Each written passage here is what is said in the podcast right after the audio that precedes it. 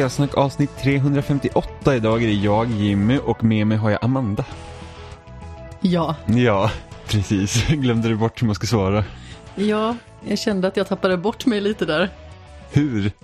Jag vet inte. Alltså de senaste gångerna känns det som att jag bara svarar samma sak. Så jag tänkte att jag skulle svara någonting nytt. Lite paradoxalt att också ja och sen paus. Ja.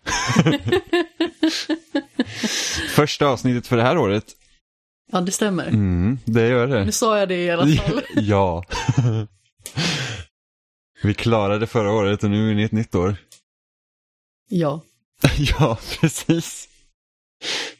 Men vi är inte riktigt klara med 2020 än. Om, eh, som säkert många som har lyssnat på podcast eh, genom åren vet om, att efter årets spel så kommer ett till sånt här årsavsnitt där vi pratar om eh, spelmusik. Som vi så fint titulerar spelmusik extravaganza. Ja, som du har eh, titulerat väl? Ja, precis. Väldigt pinsamt att gå tillbaka till de första avsnitten när jag också har särskrivit spelmusik extravaganza och jag förstår inte varför. Ja, det var dåligt av Det är dig. typ såhär, säga, spelmusik extravaganza, någonting sånt kan jag tänka mig. Jag får en bild av dig i sån här eh, spandexdräkt ståendes på cirkus. Ja, men- Spelmusik! Extravaganza! Precis, jag tror att det är så jag har tänkt tills jag liksom kom på bättre tankar och var såhär, nej det ska stå ihop.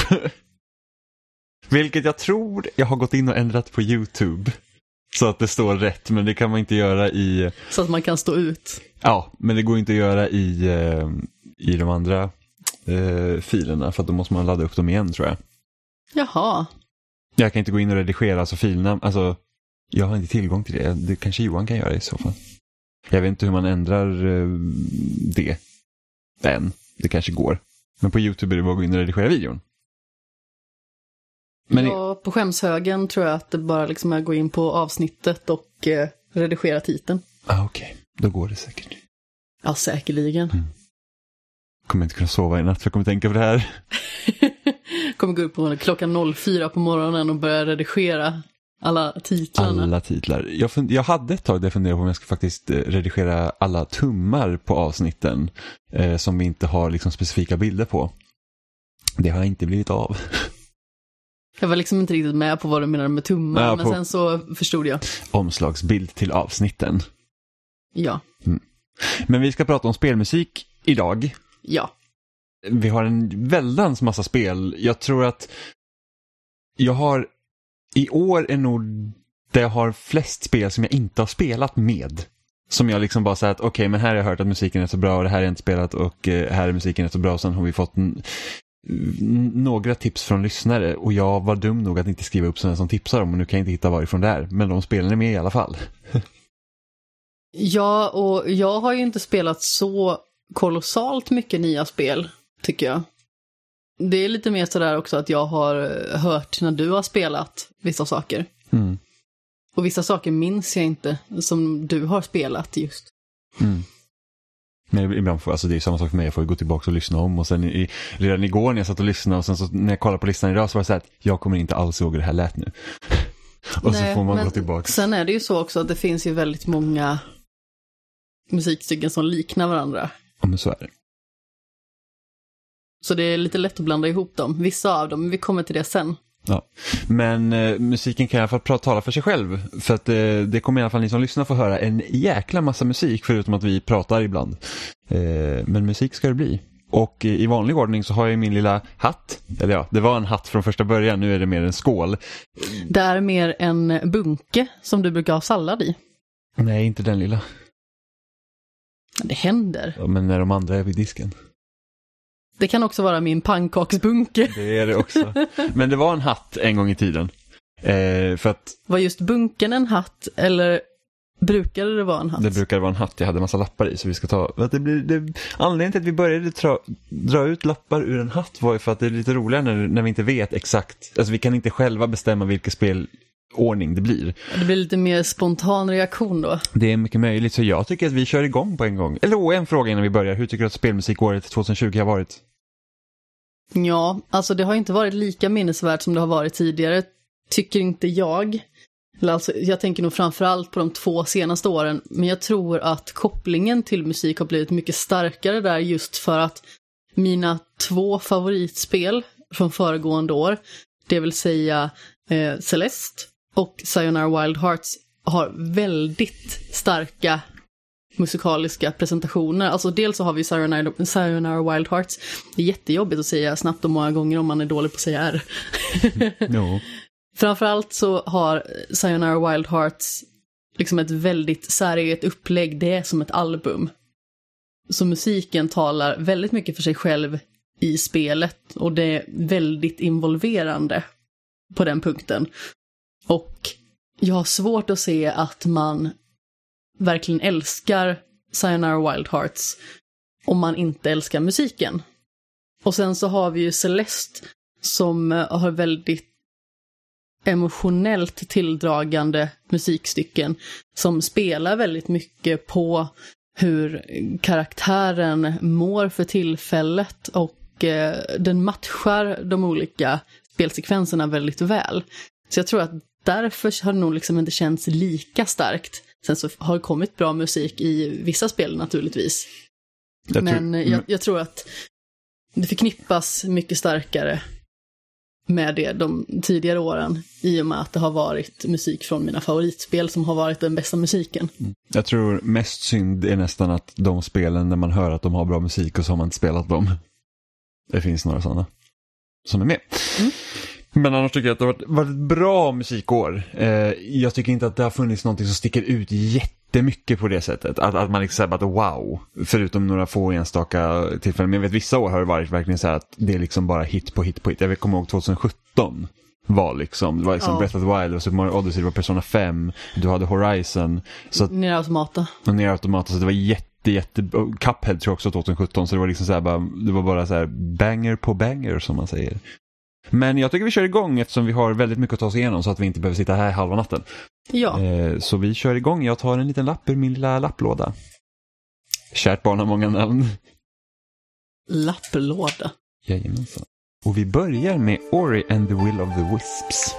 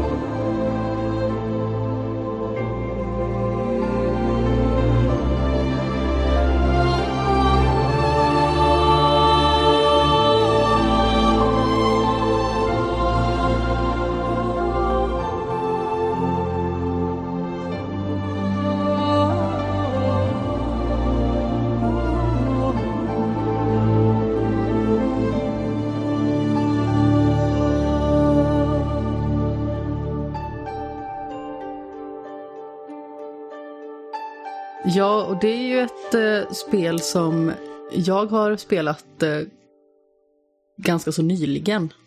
Jag spelade det när det kom till Switch och du spelade det när det kom till Jag Xbox. Xbox. Xbox, precis.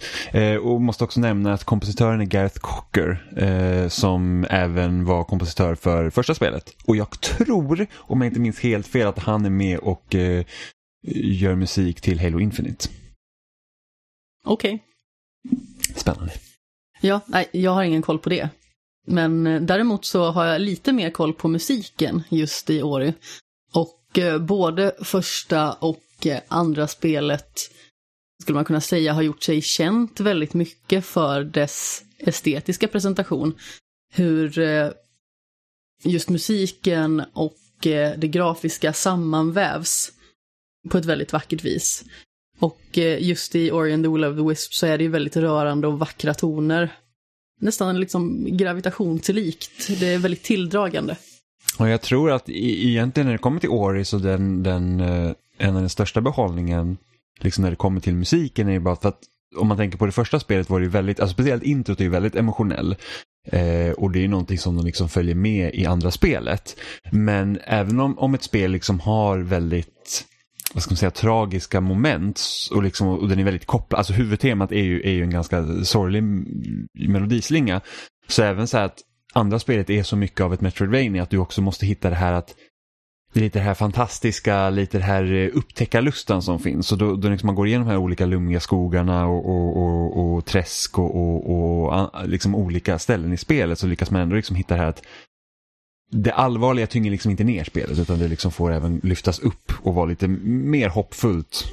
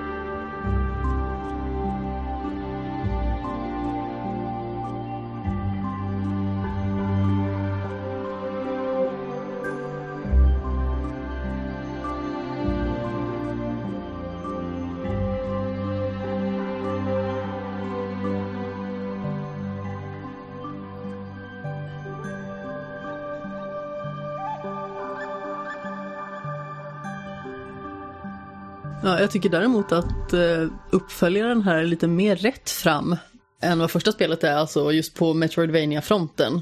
Det känns som att det är lite mer tydligt vad man ska för någonstans medan första spelet var väldigt mycket springa fram och tillbaka. Det är så jag minns det i alla fall. Ja, definitivt så är det. Och även eh, musiken är ju, har ju en mycket större bredd i, i uppföljaren än vad det hade i det första spelet.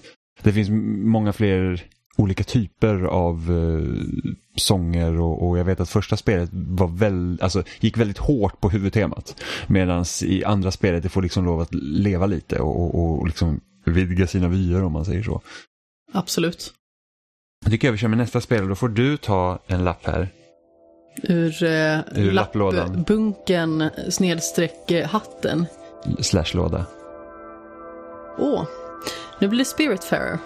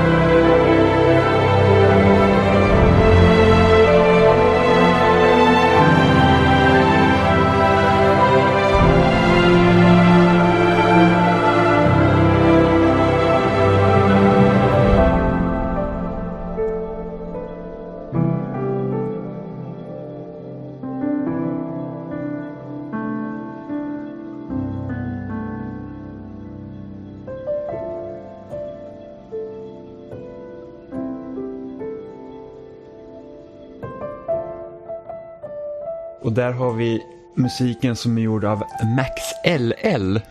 Som jag inte har någon aning om vad de har gjort tidigare. Nej, jag, inte skulle, jag heller. men jag skulle gissa på att, jag, jag tror inte att det är, om jag får liksom killgissa lite så skulle inte jag tro att det är en typisk spelkompositör. Jag tror att det här liksom är en, en, en, en grupp som gör annan musik också. Men Spiritfarer har ju otroligt bra musik å andra sidan. Och, och lite, alltså rent tematiskt så funkar det ändå ihop med Ori också. liksom att det, det, det, är inget, det är inget glatt spel även om det ser otroligt vackert ut. Det, det, det liksom handlar ju om döden och så. Det är ju lite åt samma håll som Ori Mm. i det avseendet. Men eh, här tycker jag ju, det var synd att det kom så himla tidigt, för det är verkligen min topp i år. Mm. Just uh, Spiritfarer. Absolut eh, i särklass bäst musik, tycker jag. Alltså jag vet att många säger Final Fantasy 7 Remake, men samtidigt så är det så himla mycket som eh, ger mig kopplingar till det förgångna med Final Fantasy. Och eh, Spiritfarer känns som att det verkligen kommer något nytt. Och eh, framförallt det, den låten Meteoroids var någonting som jag eh, fastnade för eh, otroligt mycket och lyssnar på väldigt ofta.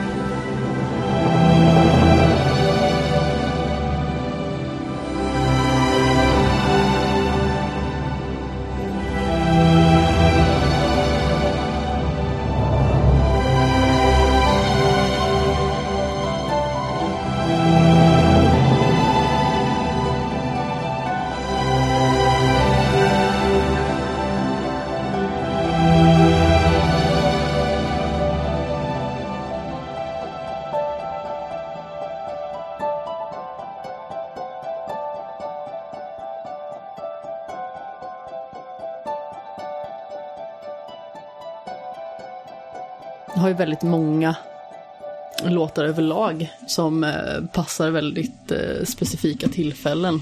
Alltså just eh, First Snow till exempel och Fallen Star som jag vet att du gillar också.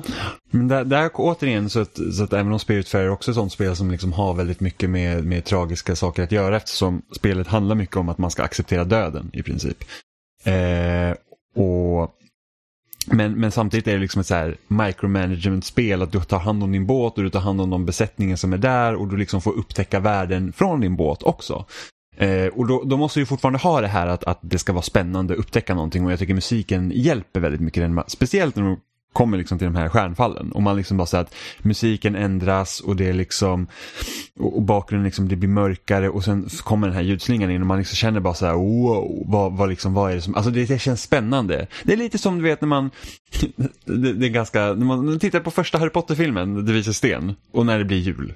Och du vet, man, bara, du vet, man får sån här upprymdhet bara helt plötsligt när liksom där tonerna kommer in och man zoomar in på slottet och det är snö och man säger bara oh. Det är liksom lite så, sån känsla, liksom, det, det, det är en magisk känsla på något vis med musiken i ja, Spiritfarer. Absolut, väldigt magisk och det finns ändå rakt igenom någon form av lekfullhet.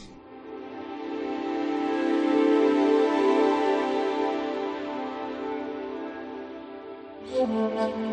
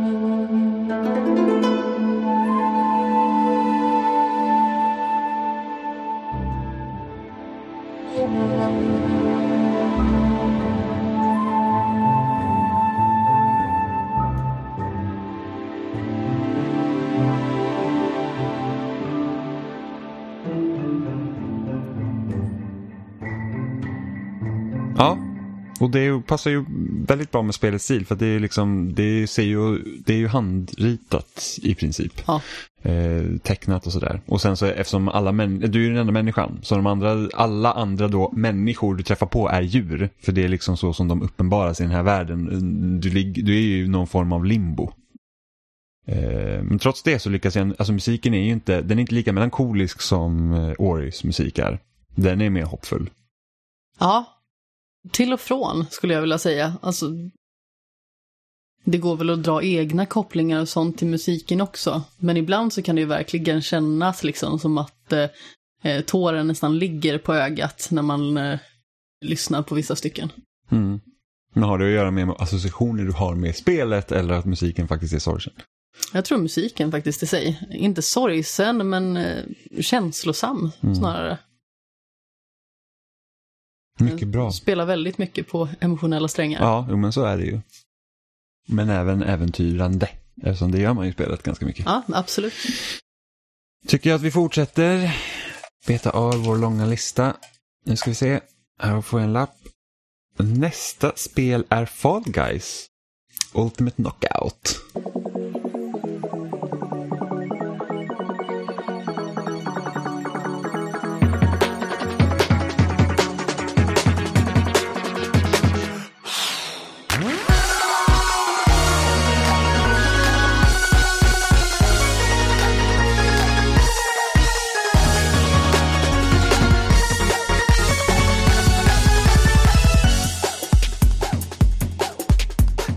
Ja, det här är ett eh, soundtrack som jag vet att du har lyssnat sönder och samman. Ja, av eh, Jocke och Kallio som kommer från Finland. Eh, och han... Om man inte hörde det. Precis, och han har... Eh, och jag kommer inte ihåg vilket år vi hade med musik från honom också, men han är ganska känd i liksom indiespelsvängarna. Eh, och väldigt duktig.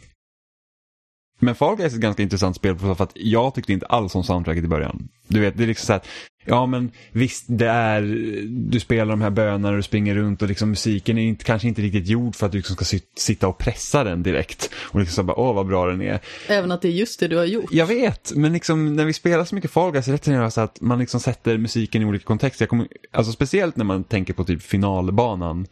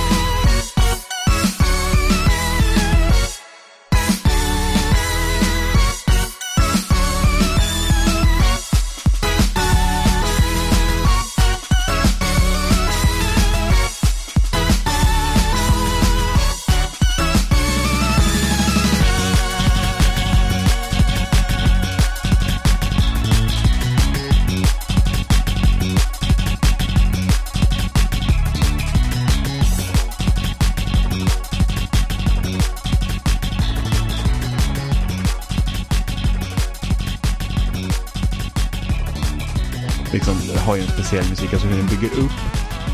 Och sen var det så att vi såg ju faktiskt det här klippet, någon har gjort ett skämt eh, klipp med eh, Titanic ja, fr från filmen då. Hemskt. Väldigt hemskt men liksom det är ändå lite kul. Så att, så att, Titanic, den där båten, precis när den liksom börjar tippa då, och det är innan liksom den bryts alltså, i två delar. Alltså den står nästan på hög kant. Precis, och då, då ser man ju massa människor som springer upp för den båten och liksom folk trillar ner och sådana här grejer. Och, och, så har man den här counten där uppe från, från Fall Guys då, som liksom räknar ner att nu, och eliminator liksom. Och det var så himla roligt för att det, liksom, det ser verkligen ut som att det skulle kunna vara en bana i Fall Guys, att man springer upp mot en bana som håller på att tippas. Ja, absolut. Alltså, det var ju väldigt svårt att låta bli att skratta, även att det såklart är ett väldigt eh, hemskt historiskt skeende. Precis, men, men som sagt det är ju liksom, det är, det är ingen film från skeendet, då hade man ju liksom fått helt nej, annat, nej. utan det är ju faktiskt på låtsas. Ja, ja alltså det är ju från eh, filmatiseringen i sig. Precis, men jag älskar när man gör sånt ibland med spel, det var samma sak när Overwatch var ny och det var precis, jag tror det var säsong 5 av Game of Thrones. Oj, ursäkta mig. Det var säsong 5 av Game of Thrones som hade precis haft eh, eh, säsongsavslutning. Och eh, när Cersei spränger kyrkan mm. så, så fick de så här play of the game som de tog från Overwatch och det tyckte jag var väldigt roligt. Eh... Ja, hon satte verkligen punkt för historien där kan man säga. Ja. Eh, men det som också är så spännande med Fall Guys-musiken tycker jag är liksom det att men, du har ju typiska eh, musikstycken beroende på vad som händer i spelet. Du har liksom en för team games, du har en för kanske slimebanor, du har en för finalbanor och så. Men något som jag ändå måste tycka är väldigt så här eh, imponerande med spelet är att för varje ny säsong nu och nu är spelet på säsong tre när vi spelar in är att eh, kompositören har gjort ny musik för varje säsong.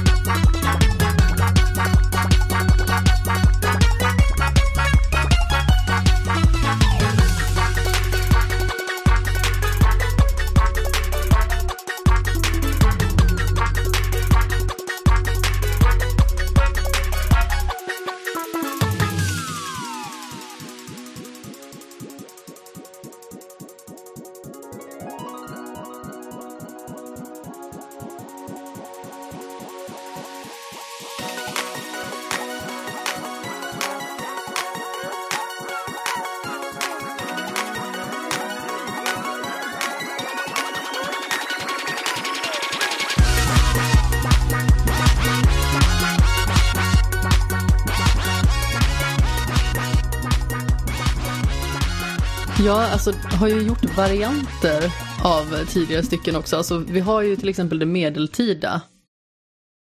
Som var Mm.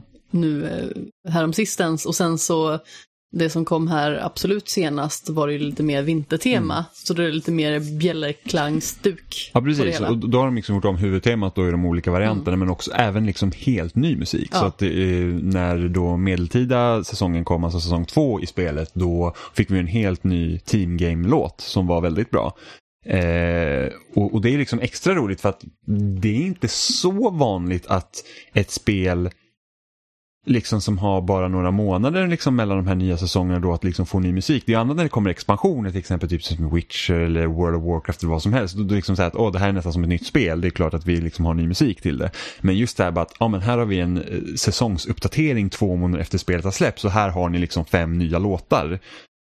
Det tycker jag är väldigt liksom häftigt ändå. Ja, alltså det är ju väldigt lätt att klaga på spel i olika avseenden, men eh, just gällande Fall Guys så har de ju varit väldigt, väldigt bra med sina uppdateringar.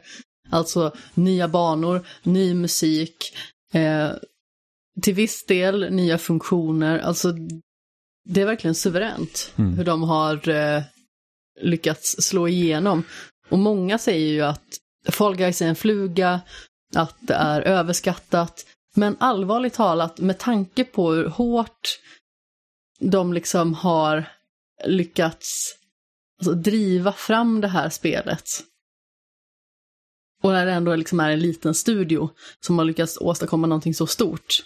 Alltså likt nu Among us då till exempel som har fått ett uppsving i streamingvärlden. Alltså det är så himla imponerande verkligen. Jag hoppas verkligen att det håller i sig för Fall Guys också. Att, det liksom, alltså att vi sitter här kanske om en två, tre år liksom fortfarande. Precis som i Rocket League. Liksom att Rocket League, det trodde jag också skulle...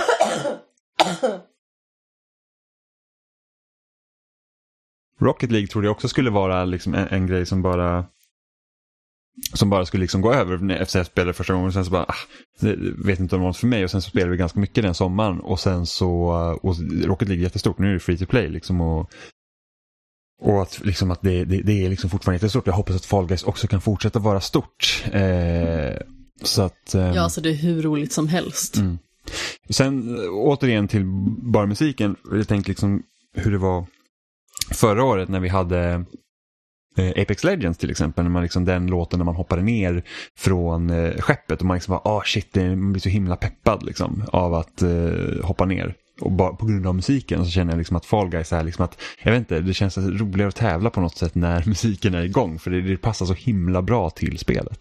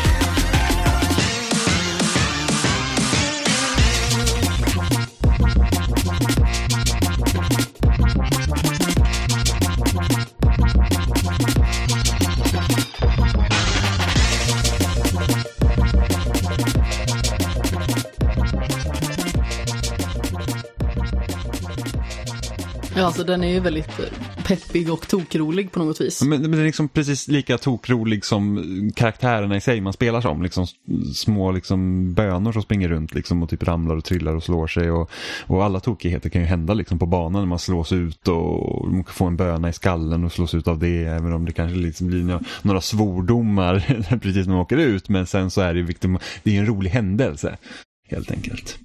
Men jag tycker det blir dags för nästa lilla spel här om du tar en lapp ur lådan. Och eh, då är det Superhot Mind Control Delete.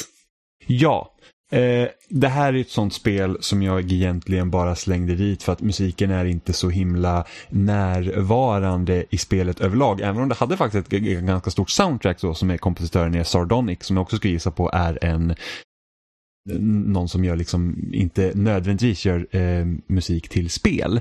Eh, men rent, alltså det, man kom till en discobana och det bara kom igen värsta discolåten i spelet. Så jag var så här, oj, det här, det här var lite speciellt.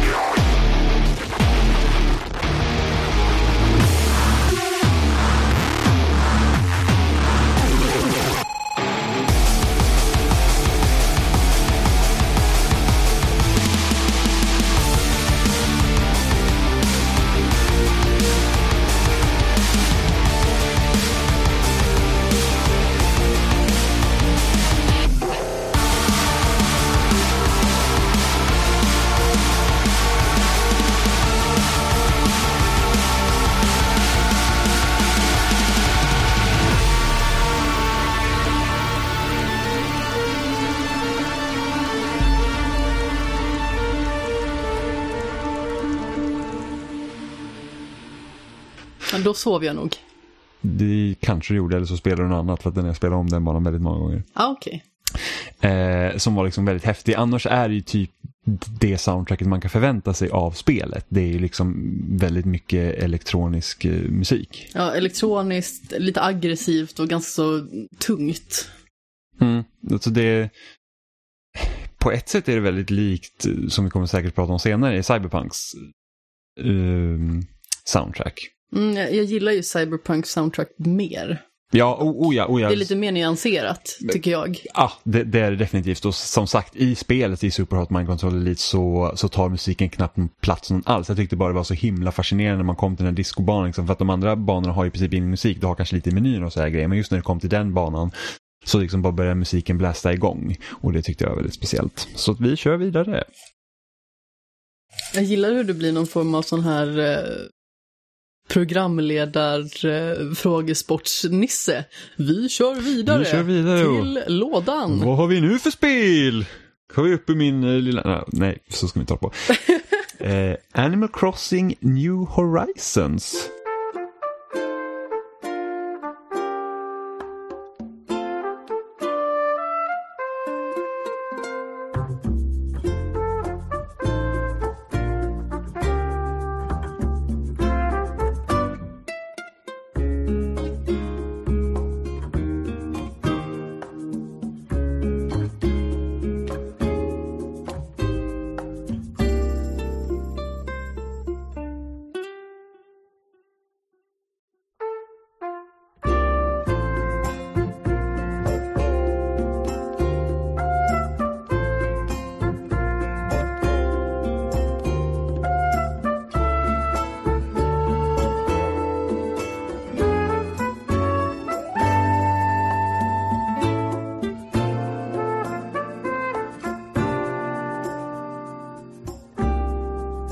Här är ju liksom ett spel som förmodligen många har suttit och lyssnat ändlösa timmar av dess väldigt mångfacetterade soundtrack eh, faktiskt. Och där har vi då flertalet kompositörer till det här spelet och jag kommer nu slakta varenda japans namn på den här listan men det, det får vara så. Eh, Var beredda med sågen. Precis, Yasuaki Iwata, Yumi Takahashi, Shinobu Nagata, Sayako Doi och Masato Ohashi har då varit eh, kompositörer till det här spelet. En hel del. Ja, och Animal Crossing har alltid haft bra musik. Jag har ju bara spelat New Horizons. Så då vet du inte hur bra musik du har missat genom alla de här åren. Nej, det vet jag inte. Och det är någonting jag förmodligen Eh. aldrig kommer få veta heller. Däremot så är ju just New Horizons, det är väldigt så här puttrigt och ömysigt. Alltså jag vet inte, jag tycker att det låter väldigt ölikt. Alltså jag vet inte, det låter så himla fånigt. Det är kanske jag som läser in väldigt mycket. Men jag tycker att man i musiken verkligen hör att man är på en ö. Alltså ja, alltså varje Animal Crossing har ju haft lite olika teman liksom, så som att eh, det förra spelet, och New Leaf, då var det ju liksom en eh, då var det ju en borgmästare av en stad liksom. Och, och, och jag tycker väl också att, även om jag tycker att New Leaf-soundtracket är, är något bättre än, eh, än Animal Crossing New Horizons, så var det ändå så här att Ja, jag håller med. Det, det, det känns lite så här Hawaii-lunk kanske emellanåt i New Horizons. Ja men Eh, precis, det kanske är det som gör det egentligen. Mm. Sen så har inte jag lyssnat så himla mycket på musiken som man skulle kunna tro, även att jag liksom har spelat, vad är det, 130 timmar eller någonting. För att jag lyssnar ju väldigt sällan på musiken när jag spelar på min Switch. Mm. Ja, Jag, Såvida inte jag har den i dockat läge. För då har jag musik från tvn. Men om jag sitter och spelar bärbart då är det oftast att jag kanske lyssnar på någonting annat eller har någonting annat i- bakgrunden. Ja, precis. Men det var när jag liksom gick igenom nu soundtracket här i, i dagarna och liksom bara för att uh, fräscha upp minnet lite så var det verkligen så att ja, vi gick väldigt mycket upp typ vid åtta på morgonen och spelade Assass- eller, eh, Animal Crossing för att... Assassin's Crossing. ja, eh, vi gick väldigt mycket upp och spelade Animal Crossing då typ åtta på morgonen. Fan, den där låten har jag fan hört hur många gånger som helst. För att, för att det som är så kul i New Horizons eller Animal Crossing överlag det är att varje timme har ju en egen, eh, en egen låt.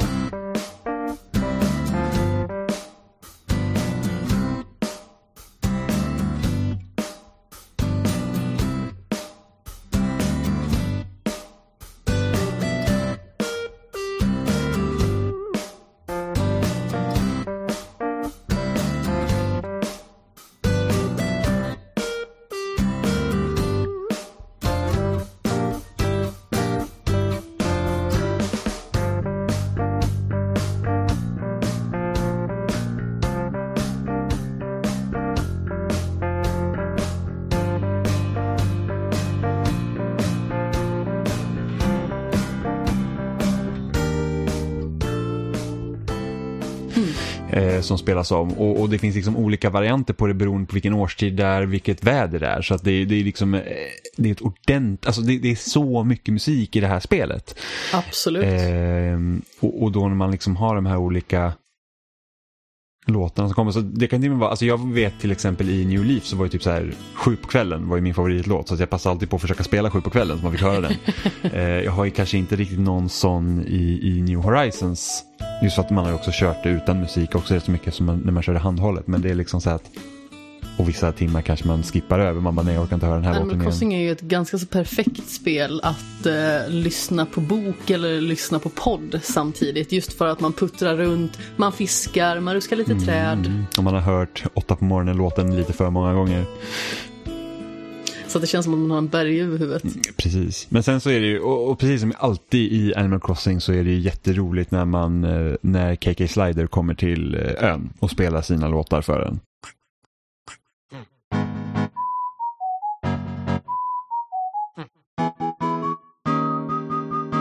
mi o o mi mi que mi mi o mi mi o mi que o mi na na mi o mi que que o mi mi na na o o mi mi mi que mi o mi mi mi que na mi na mi o mi mi na o mi o mi o na o na na mi mi que o mi mi o que o que o o som man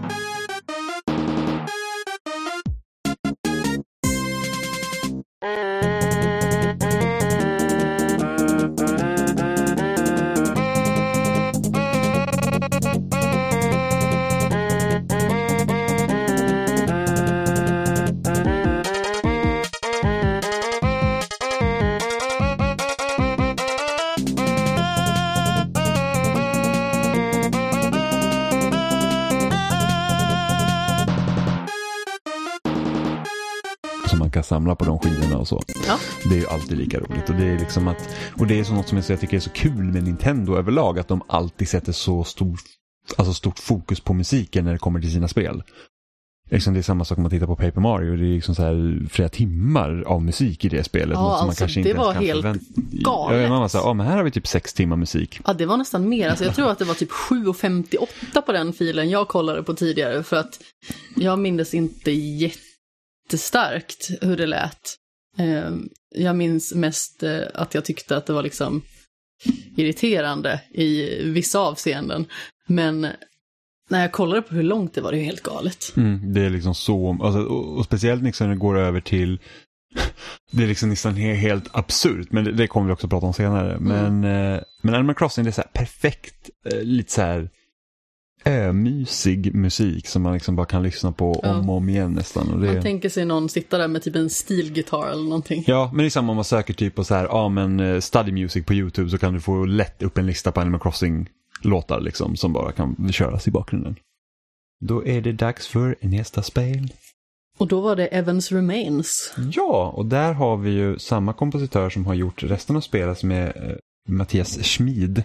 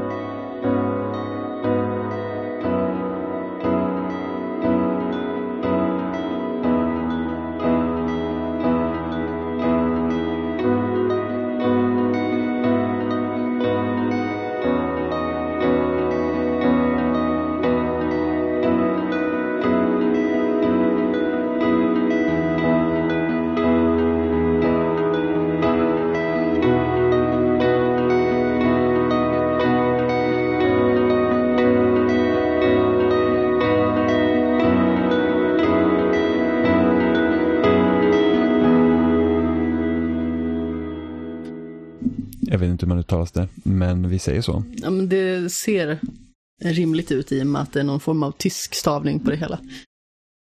Ja, Evans Remains var det ju jag som spelade. Och eh, jag är den enda jag känner som har spelat det här spelet. Det var ju ett eh, litet indiespel som kom i eh, början på sommaren vill jag minnas. Som faktiskt har ett eh, otroligt vackert soundtrack. Mm.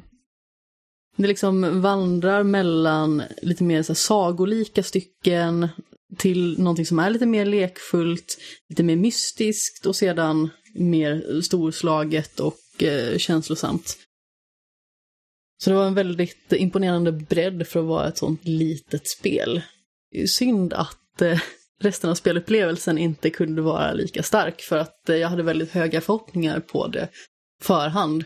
Jag tror att jag skrev upp mig på intressekoll ett år innan spelet släpptes. Och sen helt plötsligt så släpptes det. Jag hade glömt nästan att jag hade skrivit upp mig på det. Ja, jobbigt läge. Ah, ja, nej men det, det var ju roligt att få spela det, men eh, det blev lite för märkligt för sitt eget bästa. Mm. Mm. Ja, men jag kommer ihåg att musiken var väldigt vacker och det är, liksom, det är inte riktigt den typ av musik man kan förvänta sig heller av det 2D-pixelspelet var. Nej, men man tänker ju att det ska gå in mer på den här retrovurmen i och Yes. med att det är så det ser ut rent visuellt. Mm. Så att det är ju ja, väldigt, väldigt, väldigt fint. Det, alltså det, är- musiken är lika vacker som spelet kan man nästan säga. Ja, Så vi, vi pinnar på vidare.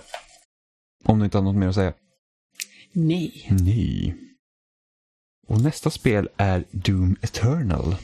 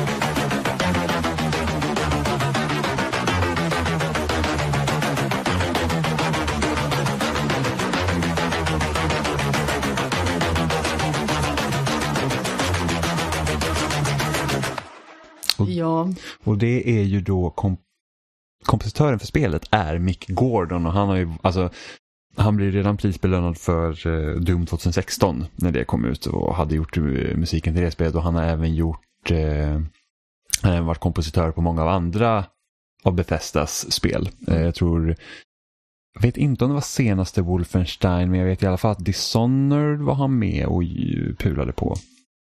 Eh, Doom Eternals soundtrack är ju nästan precis vad man kan förvänta sig sedan Doom. Det är liksom... Det är, väldigt testosteronstint. Det är hårt, alltså det är liksom, det är metall liksom. Det, det, är liksom, det är hårt och det är rått och det är liksom bara så att, ja vet du vad, här har vi ett spel där du bara ska döda en jävla massa demoner och blodet flyter. Vad ska vi ha musik till det? Hmm, jag vet, jag har perfekta eh, soundtracket för det.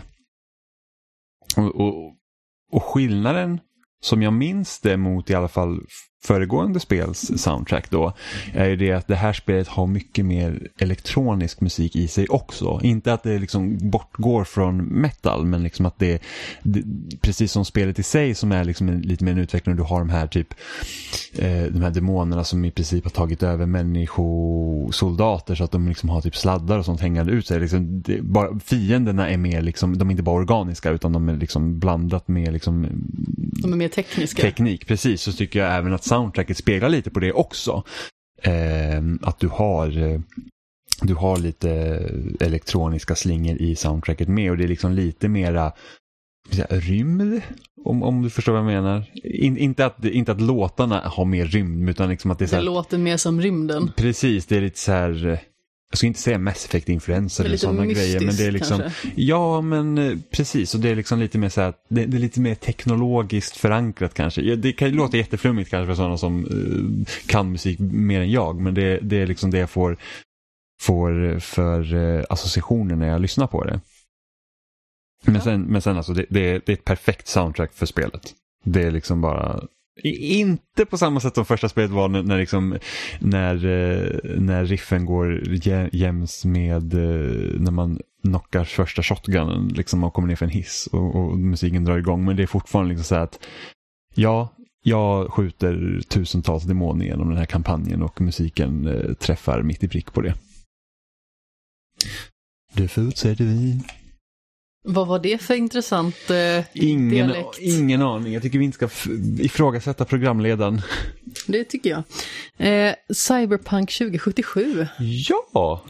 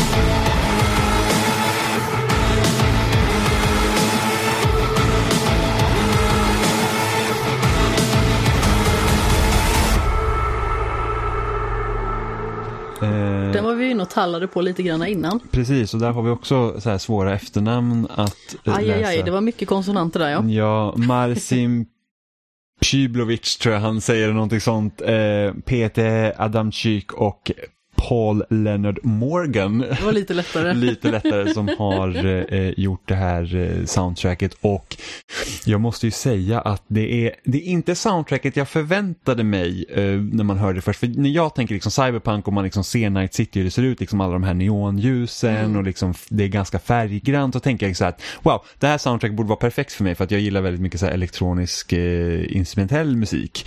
Eh, det är mycket det jag lyssnar på och, och, och det finns i form av radiostationen versionen eh, Coast Paradise men det är liksom inte huvudsoundtracket där och det som är intressant också, för jag, jag hörde en, en två och en halv timmes lång intervju med en av kompositörerna.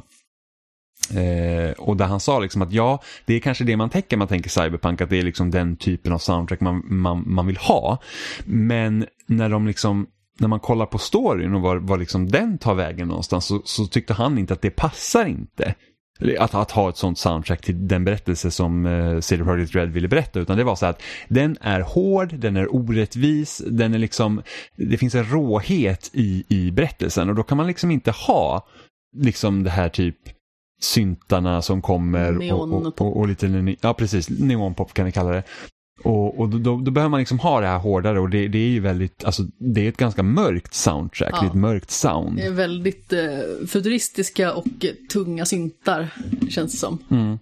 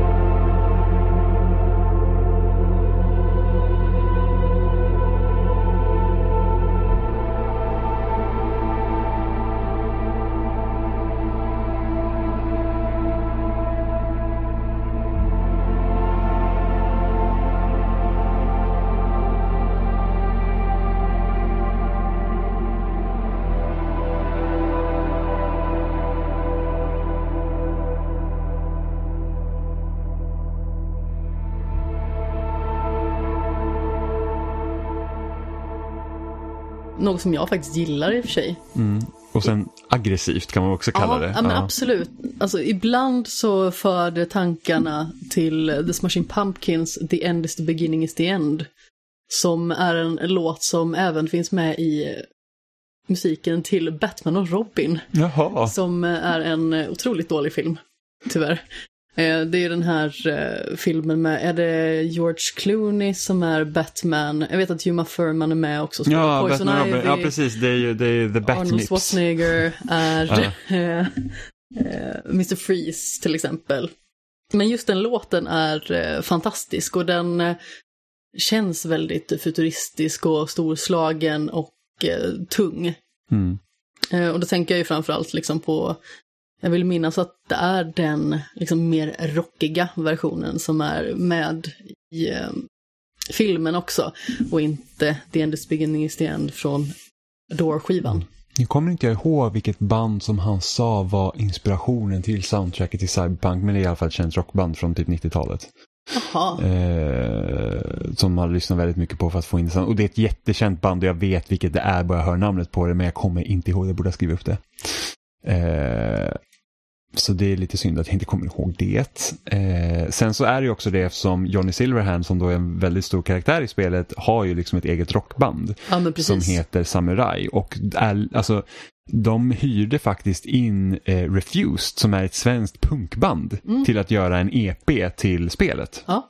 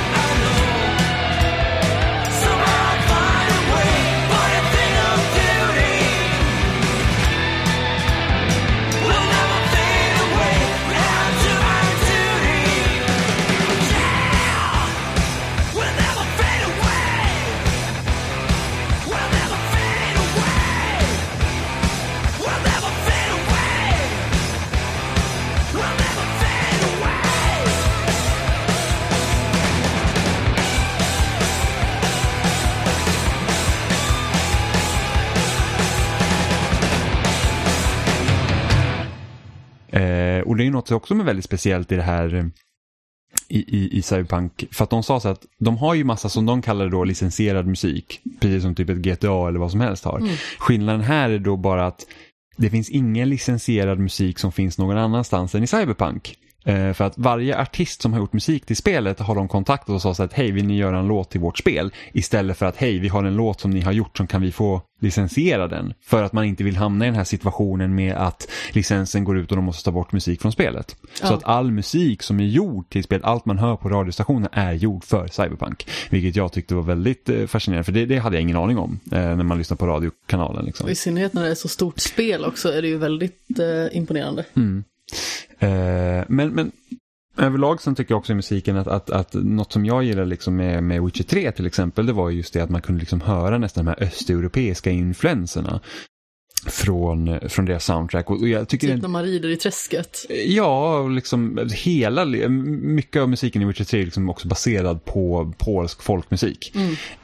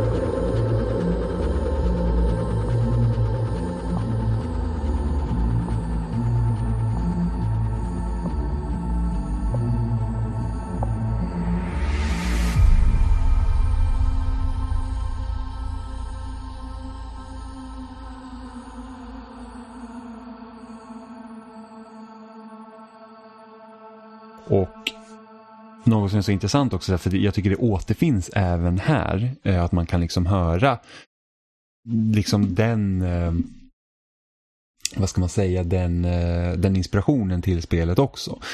Speciellt när man liksom spelar som Johnny Silverhand, vilket man får göra under vissa sekvenser i spelet, är ju också det att han han har ett väldigt, med tanke på att han är en terrorist också, så har han ju ett, förutom rockstjärna, så har han ju ett väldigt eh, typiskt sound till sig också när man Mm. spelar som honom. Och det är liksom, det känns verkligen Ja, men liksom så, här, så att någonting dåligt kommer att hända. Liksom det, här, att det, här, det här är liksom den här stora entiteten som kommer in liksom, och det allt, bara får allt liksom att brinna. typ. Alltså det är nästan skurkaktigt Ja, trots, trots att han egentligen inte är en skurk. Han är ju liksom en, en, en vad ska man säga, jag vet inte om frihetskämpe är rätt ord, men han, liksom, han slåss ju inte för att han vill få på något sätt vis få mer makt. Han vill förändra samhället. Ja, det är väl mer ett eh, rebelliskt Ja, ställningstagande.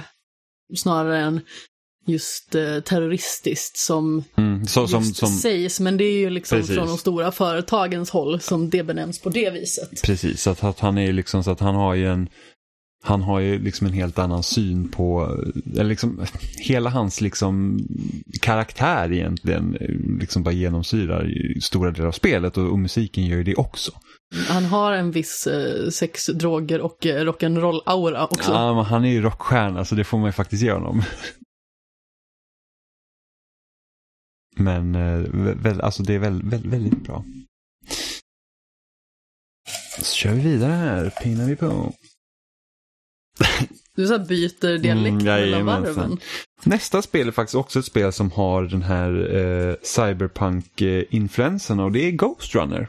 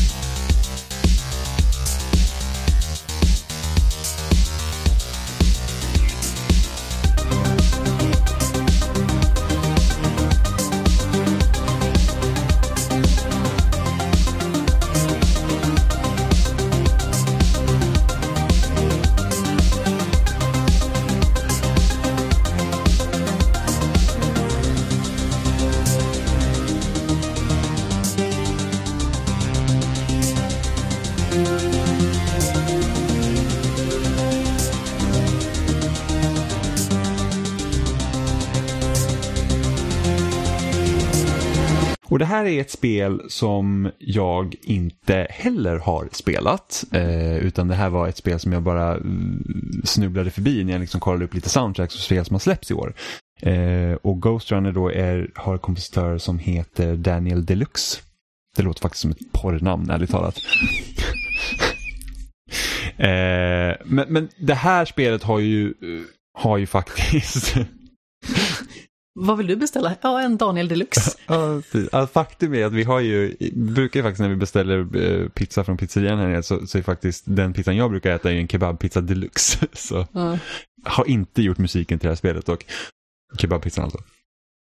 När den har så få fingrar. Ja, precis. Det blir lite jobbigt. Bara typ några noter, den typ hoppar på pianot och bara bank. Men, eh, men det här har ju liksom ett ganska typiskt då elektroniskt, liksom elektroniskt pop-soundtrack jämfört med Cyberpunk då. Jag är ganska glad att det här spelet kom, kom precis efter Cyberpunk. Eh, för det här är lite det man kan förvänta sig och det är väldigt liksom nästan så här 80-tals osande med syntar och beats och, och sånt som man kan förvänta sig. Ja. Mm. Det är också den här jag åh jag lyssnar på musiken, nu ska jag jättegärna vilja spela det här spelet. Eh, jag tror att Ghost Runner, du spelar som typ någon form av ninja och sen så ska du typ döda alla fiender på en bana under viss tid eller någonting sånt. Jag var sugen på att skriva upp mitt intresse på det här, men jag har för mig att det kom mycket annat i samma veva, alternativt att jag hade någonting att spela just då som jag inte ville släppa. Mm. Men eh, det har ett eh, riktigt, riktigt bra soundtrack. Av Daniel Deluxe. Sluta. Och då har vi Paper Mario The Origami King.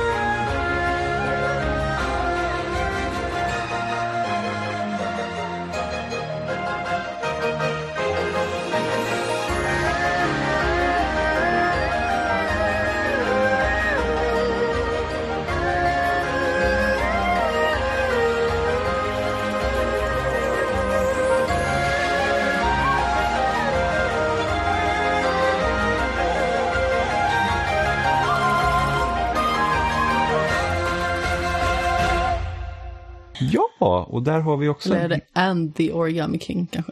Nej, jag tror det är Paper Mario The Origami King med, eh, Du vet bättre. Jag Ja. har inte spelat med, det. med kolon. Och där har vi ju kompositörer som heter så mycket som Yoshito Sekigawa, Shoh Murakami, Yoshiaki Kimura, Hiroki Morishita och Fumihiro Isobe.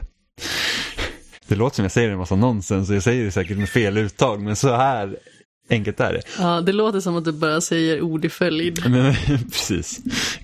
Säkert, någon kanske som kommer från Japan förstår. Eller någon som har läst japanska sitter där och typ våndas över att hur fel jag säger saker. Typ Thomas som jag vet läser eh, japanska på sin fritid. Jag tror, jag tror du skulle säga att Thomas läser spelsnack. Ja, Blev lite Välkommen konfunderad där. Eh, och det här var ju det spel som hade så otroligt, otroligt mycket musik. Eh, Ja, Och, och, och så himla, och jag, jag, alltså jag måste säga att all musik är ju givetvis inte bra. När man typ har så här typ 300 tracks i ett spel så är det omöjligt att liksom hitta, liksom slå homeruns varenda gång. Men det, det, liksom, det finns så många ställen musiken är bara så otroligt bra. Förutom att man liksom har de här klassiska Mario-låtarna, typ Peach Castle och Underground-temat och lite sådana grejer. Ja, sådana som är lite omgjorda i Ja men precis, tappning. precis. Och, då, och eftersom origami är ju liksom en, en pappersvikarkonst som kommer från Japan vill jag tro.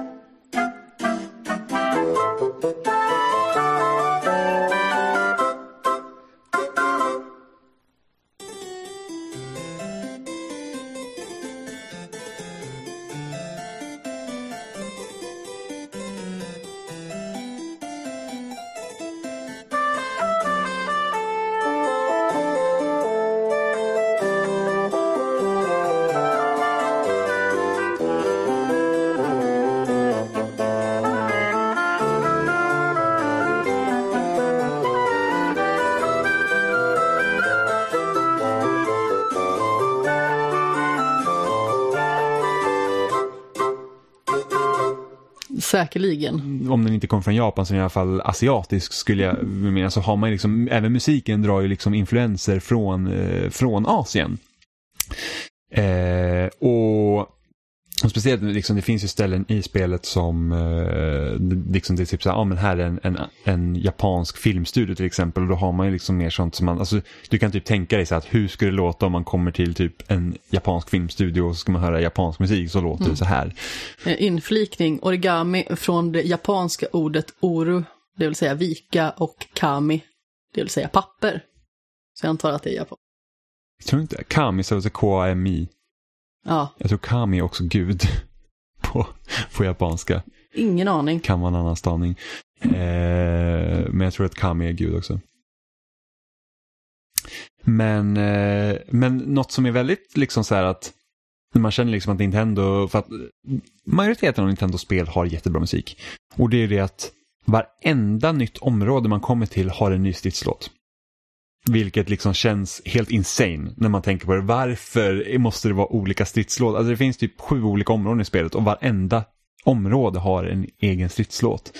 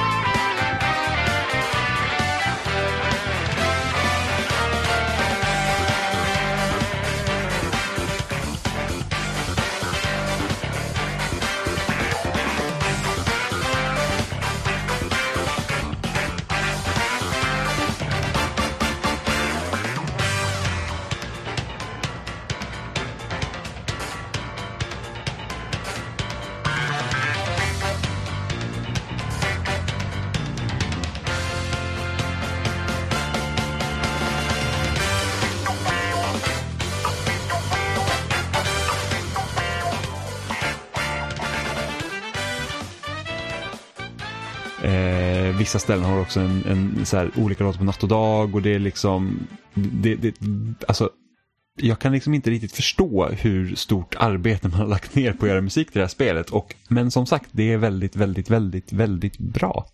Du har helt rätt i att eh, Kami är gud. Mm, där ser man. Jag har, låt mig säga så här, jag har sett en del anime i min tid. Nani? Mm, eller läst shonen manga och grejer. Eh, så men, men bra. Ja, alltså det enda jag minns är, det är någon form av rocktema. Jag tror att det är någon form av bossmusik. Eh, som är så här jättehårdrockig. Och eh, känns väldigt malplacerad. Det är det jag typ minns. Ja, jag lovar, jag diggar säkert hjärnet till den låten. Ja, det är mycket möjligt. Ja. Och nästa spel har vi faktiskt spelat båda två. Det är Streets of Rage 4. Det spelar vi tillsammans till och med. Det gjorde vi.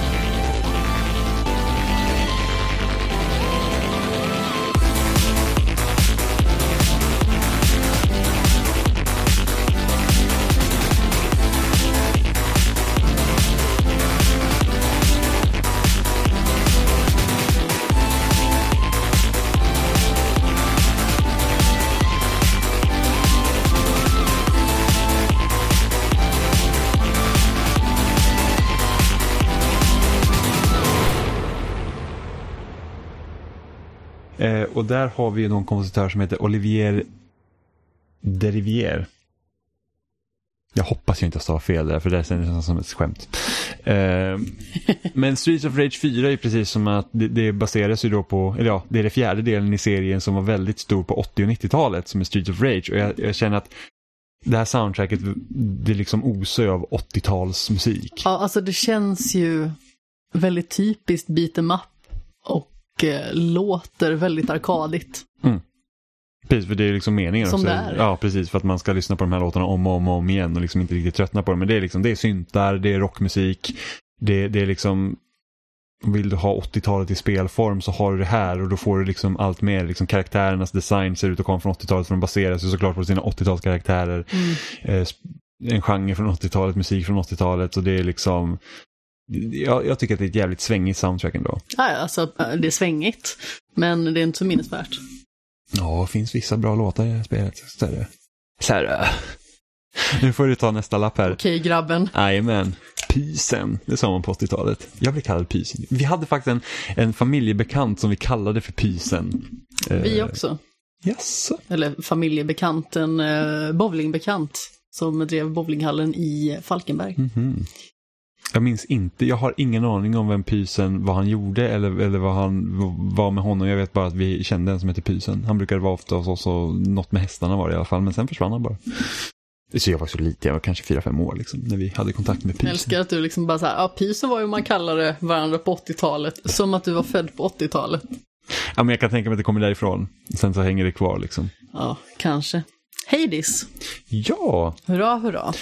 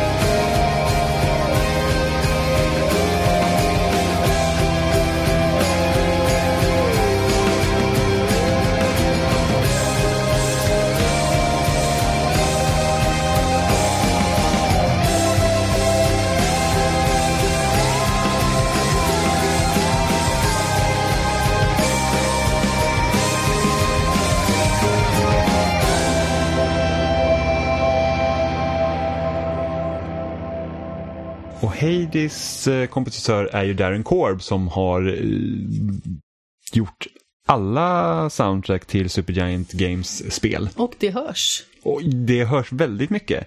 Jag tycker till skillnad från tidigare spel dock är Hades har ju en helt annan tematik med tanke på att det ska utspela sig i helvetet. Så det är en hel del rock istället. Ja, men alltså det känns nästan lite som att eh, Supergiant Games möter Doom. I vissa avseenden. Och utan att vara lika testosteronstint. då. Ja, men precis. Det är inte lika mycket hormoner i svängningarna där inte. Men eh, det är lite mer driv i det. Just min favoritlåt i spelet eh, däremot, eh, som jag använde just när vi pratade om Hades i skämshögen, det är Good Riddance. Är det den låten med sång? Ja, men precis. Nu är jag lite dålig här, för att jag kommer ju inte ihåg vad eh, sångerskan heter. Nej, men, Men, jag eh, antar att det är samma sångerska som de har liksom samarbetat med i alla deras spel också. För att något med Supergiant är ju det att de, de återanvänder ju liksom folk de har arbetat med helt enkelt. Mm. Vi ska se här. Good Riddance av Darren Korb och Ashley Barrett. Och jag tror Ja. att det är en duett faktiskt. Precis, och, och det... Den är fantastiskt vacker.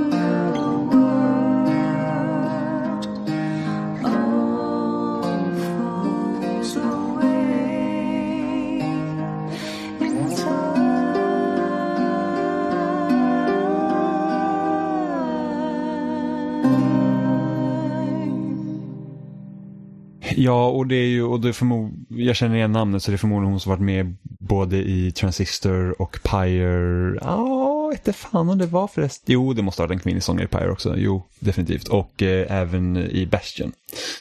Eh, men som sagt, alltså Supergiant Games, alltså deras spel, hur de ser ut och hur de tonsätts går så himla bra hand i hand. Eh, och jag tycker verkligen att Darren Korb, han har så himla bra sound. Ja, Liksom, verkligen. som- Och de gör väldigt säregna liksom, eh, stilistiska val, både när det gäller alltså, det estetiska och eh, musiken. Så de är väldigt minnesvärda. Mm. Har, har något specifikt exempel på... Alltså nu kan jag liksom inte dra någonting eh, sådär bara, men eh, jag vet inte, men jag tycker att man både hör och ser när det är ett Supergiant Games-spel. Mm. Och det känns lite som att det är lite grundat liksom i americana också. Mm. Det alla deras spel. Det liksom finns någonting av den här typ, eh, jag kommer låta så konstigt att säga det, hillbilly-varianten här med att man sitter med sin lilla gitarr ute på liksom verandan mitt ute i ingenstans. Ja, kanske inte riktigt tänker på Hillbillies när jag tänker Nej på men alltså hillbilly kanske är ett dåligt liksom ord, men det här med liksom att du sitter på din veranda, du har inget annat hus, du ser liksom prärien i princip nedanför dig och så sitter du där och plinkar på din gitarr. Det är lite Och ett den halmstrå i munnen. Ja, precis. Jag vet inte, vad- kanske det, när du tänker på hillbilly så kanske du tänker mer så här white trash-modellen eller typ så här trailer park. Kanske lite, men jag förstår vad du vill komma. Ja. Nästa spel är Minecraft Dungeons.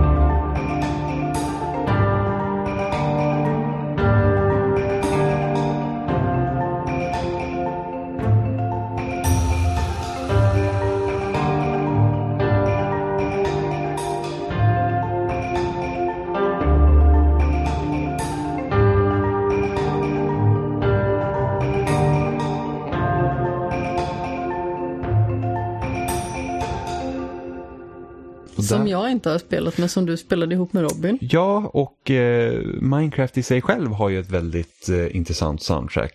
Eh, Jaha. Som, ja, det har det. Väldigt, eh, jag tror inte att Innan man har spelat Minecraft och inte hört hur Minecraft låter så tror inte jag att man riktigt man kan förvänta, alltså jag tror inte man riktigt kan föreställa sig vad, vad för musik Minecraft kommer ha. Jag tror att Där är jag just nu. ja, man hade nog kunnat förvänta sig typ ingen musik alls nästan. Eh, men Minecraft har ett väldigt trevligt soundtrack. Bara Och, syrsor.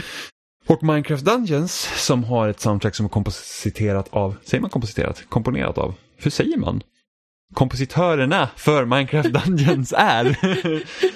Eh, Komponerat skulle jag nog säga. Komponerat, ja så är det förmodligen. Eh, är Peter Hont, John Jonsson och Samuel Åberg. Eh, så väldigt svensk klingande namn. Den enda som är Peter Hont där vet vi inte riktigt.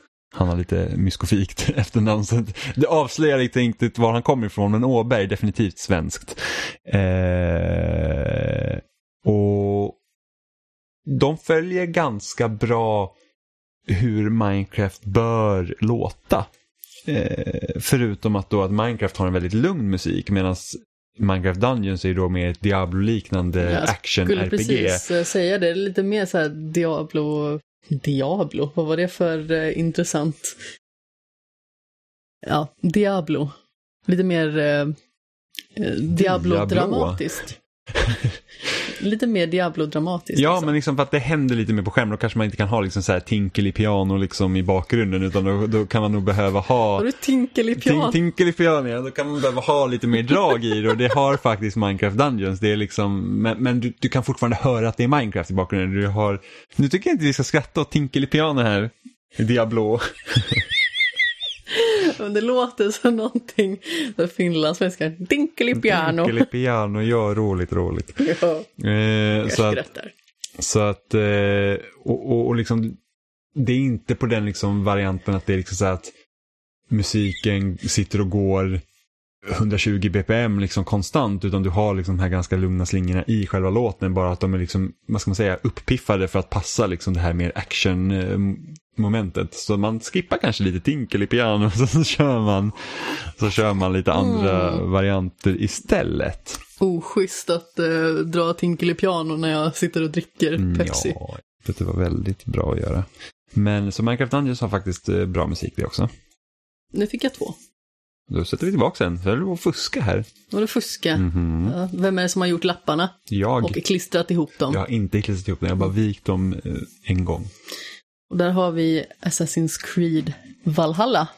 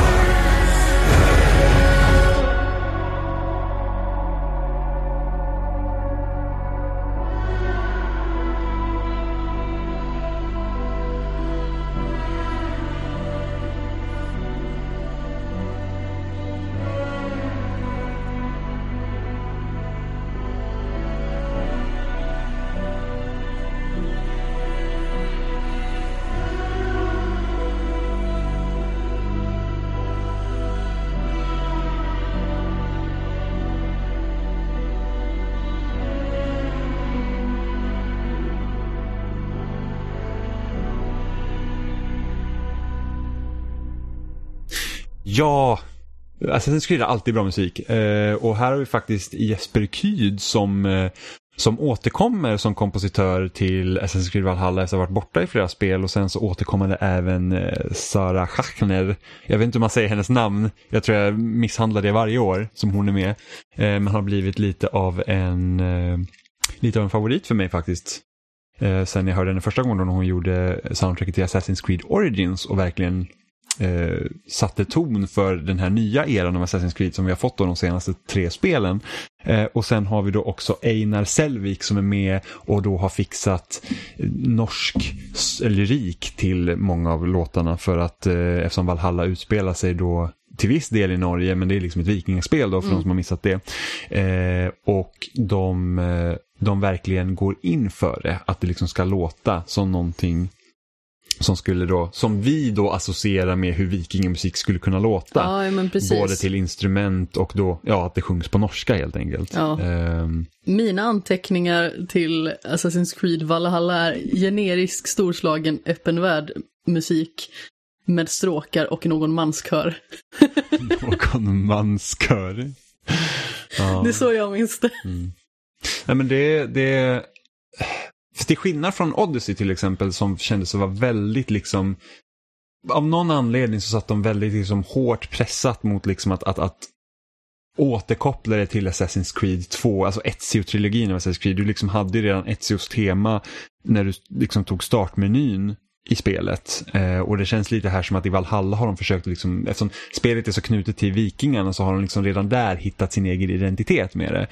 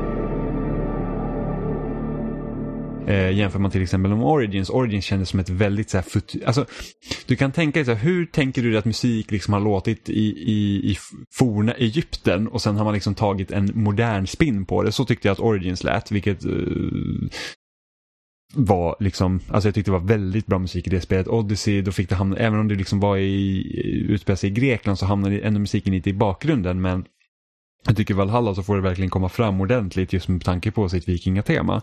Eh, och jag, jag tror senast det var så här, alltså musiken var så knutet till sin tidsperiod var Black Flag när det var pirattema. Eh, Ja, det var mycket, mycket rom och armkroksdans. Ja, ja men alltså det, det var i faktiskt... rom. Rom, rom och Diablo.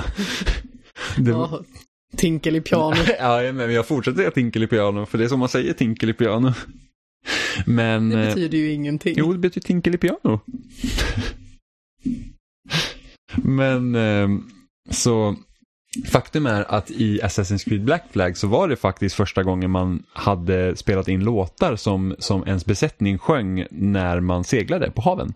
Eh, och det har återkommit i varje spel som har haft båtar sedan dess. Även i Odyssey så kunde du ha en hel liksom, kvinnokör som satt och sjöng i, i sin båt om man så ville. Och även här så har man, man kan faktiskt välja i Valhalla om man vill att besättningen ska sjunga, hålla käft eller berätta några historier från deras liksom typ räder.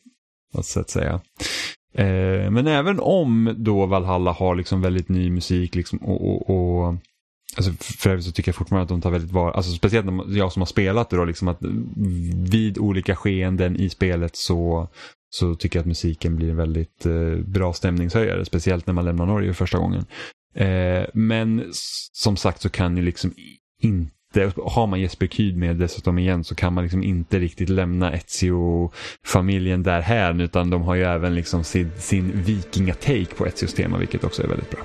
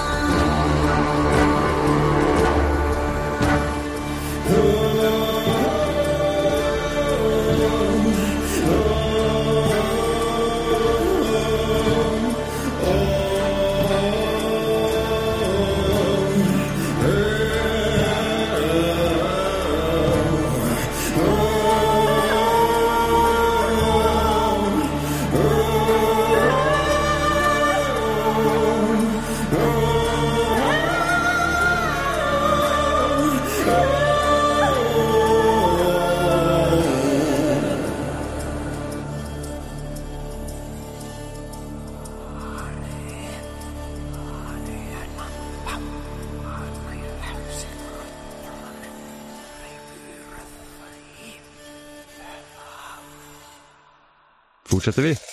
Lämnar vi Assassin's Creed och Vikingarna. Bandet Vikingarna. Precis. Nästa spel är Battletoads. Eh, och där har vi då kompositörerna David och Paul Hausten. Och det här är faktiskt ett spel som både du och jag har spelat. Ja, Och egentligen ska jag inte säga att det här är typ världens mest minnesvärda soundtrack på något vis. Men jag tycker är så kul med Battletoads är att precis så hur mångfacetterat spelet är så även det soundtrack. Fast jag tänker mig, så som jag minns det, så känns det också väldigt eh, Streets of Rage shit. Alltså, det jag minns av det är just liksom beat'em up-temat. Mm, alltså du har ju...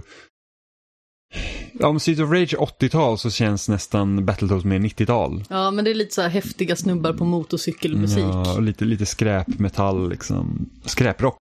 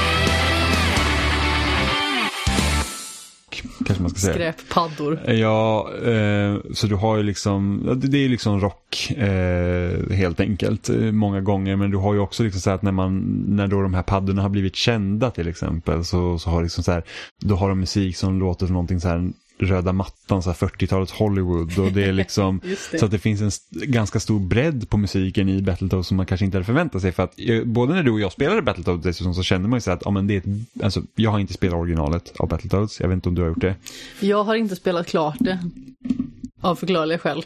I och med att det, Det är är supersvårt. eh, svårt som röven. Ja, och, och, och då kände jag så här att jag trodde att Battletoads bara skulle liksom vara ett vanligt beat'em up. Men det är ju liksom Beat'em up är ju inte ens majoriteten av banorna i spelet utan det är nej, nej, väldigt alltså det är många jättestor Det är variation. jättestor variation och det, det, jag tycker att liksom en sån variation återfinns även i soundtracket. Det är ändå en den stora behållningen med just det spelet. Alltså jag tycker inte att det var fantastiskt på något vis. Det var verkligen eh, mellanmjölksaura över det överlag. Men eh, just att det var så variationsrikt gjorde i alla fall att det inte blev så långdraget som det förmodligen hade blivit om det bara hade varit ett beat'em up. just The Streets of Rage till exempel är ju mycket bättre på Jo, ja, för att den nivån. Streets of Rage gör sin sak. Det är liksom så här, vi är ett Mm. beat'em up och det är det de gör. Och sen är det inte Streets of Rage speciellt långt heller, utan det är ganska kort. Eh, Mm. Det för att man- roligaste i Battletoads tyckte jag var när man eh, åkte, ja vad är det? Motorcy- någon form av motorcykel. luftskoter, eh, tjoflöjt. Ja, och då, då jäklar, då är det rock som strömmar ur högtalarna, den saken är säker. Men det var också kanonroligt. Jag Ja. hade velat att alla barn skulle vara det. Ja, fast i och för sig, jag tyckte det var ganska kul när vi gjorde så här olympiska spel och lite så här små Ja, minigames. men alltså, det, det, ganska kul det, var, det var roligt att det var variationsrikt, men samtidigt så det var det som jag tyckte var roligast och jag hade gärna tagit ett helt spel med bara det. Ja, det var nog allt vi hade att säga från slagsmålspaddorna. Krigspaddor. Och här har vi Raise the Dead.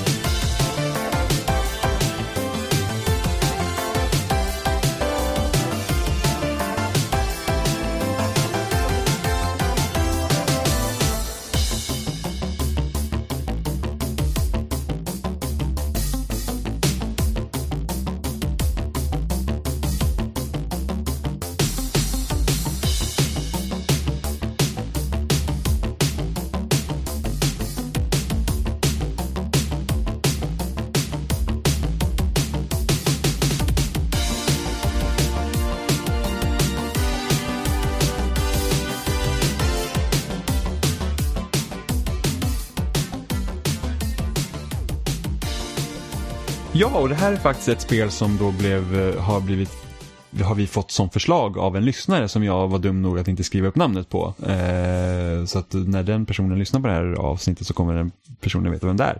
Eh, Race the Dead är, jag tror att det är någon form av survival-aktig micromanagement-spel av något slag där man ska skydda sig då från zombies som kommer upp. Jag, har, jag är inte helt säker på att det faktiskt är så. I, det, det enda jag vet från Race the Dead är en artikel jag läste om att det var en spel som Kickstarter och tagit så lång tid i, ut, i utveckling och när det kom ut så hände ingenting. Alltså man ska i princip inte veta att det har kommit ut. Jag tyckte det såg lite så här Plants vs. Zombies-aktigt ut. Ja, grafikstilen påminner om det. Men jag tror att liksom själva, det, alltså Musiken har jag ingen aning om.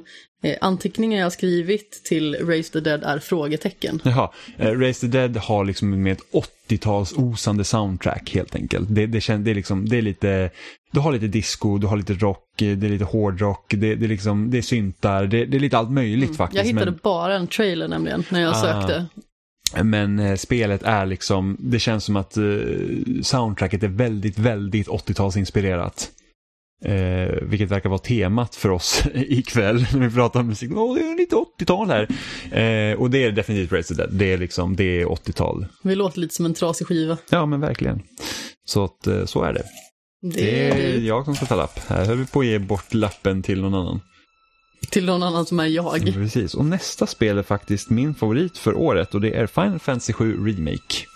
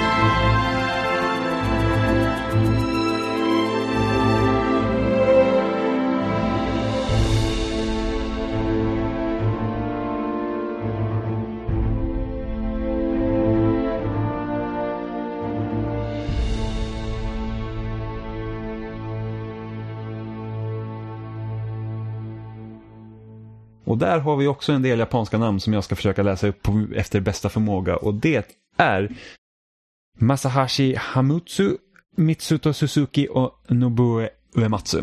Vilket då, Uematsu är ju liksom den kändaste av dem. Ja, Uematsu har väl gjort eh, Han har ju varit eh, huvudkompositör till eh, Final Fantasy Ja, inte bara, jag tror musik, tror jag. st- stor del av eh, Squares eh, rollspelsbibliotek överlag. Ja, absolut. Eh, Square Enix nu då. Men, eh, och, och det som är så spännande egentligen med Final Fantasy 7 Remake-soundtracket är ju att det här är ju liksom inte, det här är inte ny, det finns nyskrivna låtar för spelet. Eh, för remaken också, men liksom det här är ju, det här är ju nästan som om, det här är ju omtolkningar av redan existerande musik. Eh, och det är liksom, och, och man märker liksom vilken känsla, alltså jag som inte har liksom det här egentligen nostalgiska bandet i Final Fantasy 7 och jag spelade liksom originalet förra sommaren, alltså in, inte 2020 utan 2019. Eh, och liksom man, man hör de här tonerna som man känner igen, liksom allt, allt från liksom stridstemat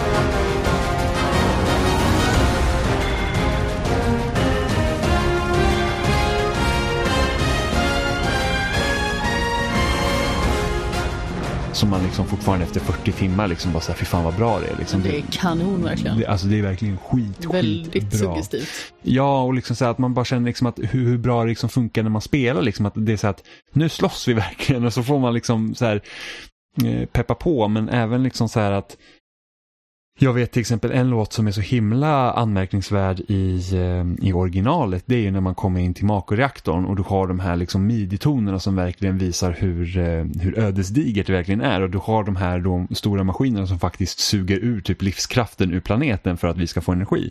Eh, och, och jag vet att det lite, har varit lite debatt om den här låten i, eh, från sådana som har spelat spelet. De tycker liksom att det är förstört för den har förlorat all sin karaktär. Men jag tycker att den orkestrerade versionen av då det här reaktortemat är ju liksom att den, jag tycker det känns mycket, mycket mera Alltså det är en annan version givetvis men, men den känns ju fort, alltså det känns verkligen hemskt när man går in liksom i det. Man, man, man tittar så man bara så att här inne är det mörker i princip. Ja, men det, det känns typ som att här är slutet.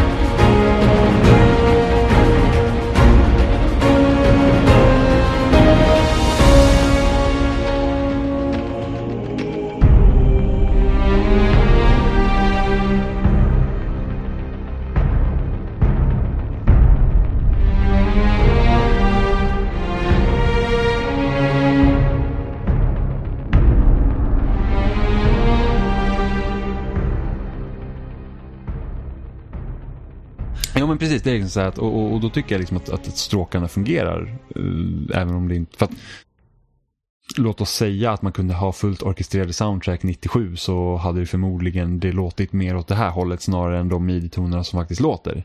Eh, inte, Förmodligen. inte för att det är någon ursäkt egentligen. Jag tycker att, alltså hade jag fått välja reaktion, eller, eller, version av låten tycker jag fortfarande att Mako Reaktor-temat från originalet är bättre just för att det, det känns mer unikt. Men jag tycker att den här omtolkningen fungerar väldigt, väldigt väl. Ja, definitivt. Eh, Sen är ju Aeriths tema alltid jättevackert. Mm. Och även Sephiroths tema är ju liksom, det, det är liksom och, och, och, det här är någonting också som, som eh, de gör så himla bra i det här spelet. Det är ju det att de går ju in med vetskapen om att en stor del av de som spelar det här spelet förmodligen kommer liksom känna igen huvudberättelsen. Och, och inte för att spoila Final Fantasy 7 Remake nu så den, tar ju vissa friheter med eh, berättelsen. Som, som eh, ingen tror jag hade kunnat förvänta sig att de skulle göra. Det leder ju Eh. berättelsen i en annan riktning kan man väl säga. Ja, men det händer saker som gör att man inte kan vara lika säker på hur en tvåa kommer att se ut faktiskt.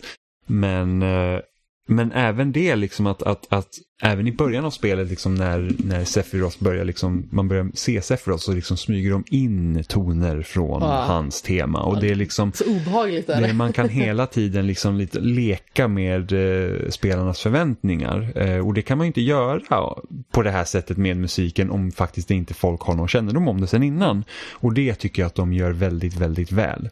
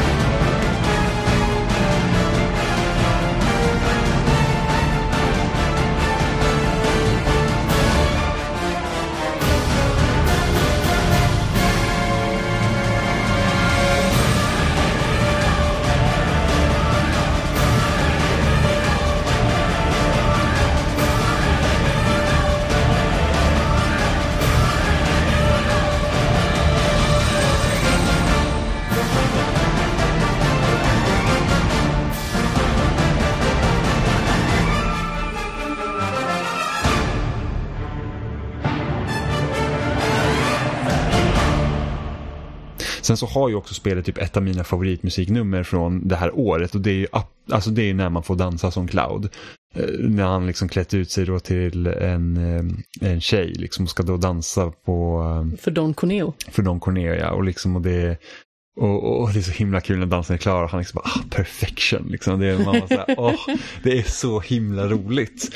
Ehm, men liksom, precis som jag har sagt när vi har pratat om Final Fantasy 7, som vi pratade om i årets spel, som vi pratade om när spelet var nytt. Det är liksom så att någonstans inom mig så har jag så himla svårt att förstå att det här är ett spel som faktiskt existerar. Jag tycker att det är så bra och även när jag lyssnar på soundtracket, det är liksom, alltså bara man tar typ, eh, när man möter den här eh, en av de första bossarna i spelet som man liksom här stora maskiner, liksom att man hör, man Man hör håller på att man hör där. det temat, man så bara oh my god det är så himla bra eller när man liksom möter Genova nere liksom i, eh, om det är under eh, Midgard liksom och man liksom bara så att det, det är sånt jäkla tryck. Alltså man tänker så här, precis som Nintendo när de gör musik till Mario Kart eller Super Smash eller Zelda eller, eller Odyssey, man typ kan höra hur orkestern har kul att spela det. Speciellt musiken till Mario Kart 8. Det är verkligen så att man har typ hört hur kul det har varit och spela den här musiken. Och jag kan bara tänka, alltså precis som man lyssnar på soundtracket i Final Fantasy 7 så man, man liksom nästan kan höra hur liksom, ja men när det kommer till battle-temat, hur, liksom, hur, hur liksom kämpande det känns. Eller, eller när man liksom hör Sephiroths temat liksom så att, ja, det, det, det är spelat med sån känsla. Det, det, det är så svårt, alltså in, inte för att vi liksom ska på något sätt eh, undervärdera de andra kompositörernas arbete för spel under året eller någon säger att inte folk ska spela med känsla men det, det, finns något visst i Nintendos liksom, musik, den magin och det finns något visst i det här soundtracket som gör att man bara så här, alltså man nästan smälter liksom.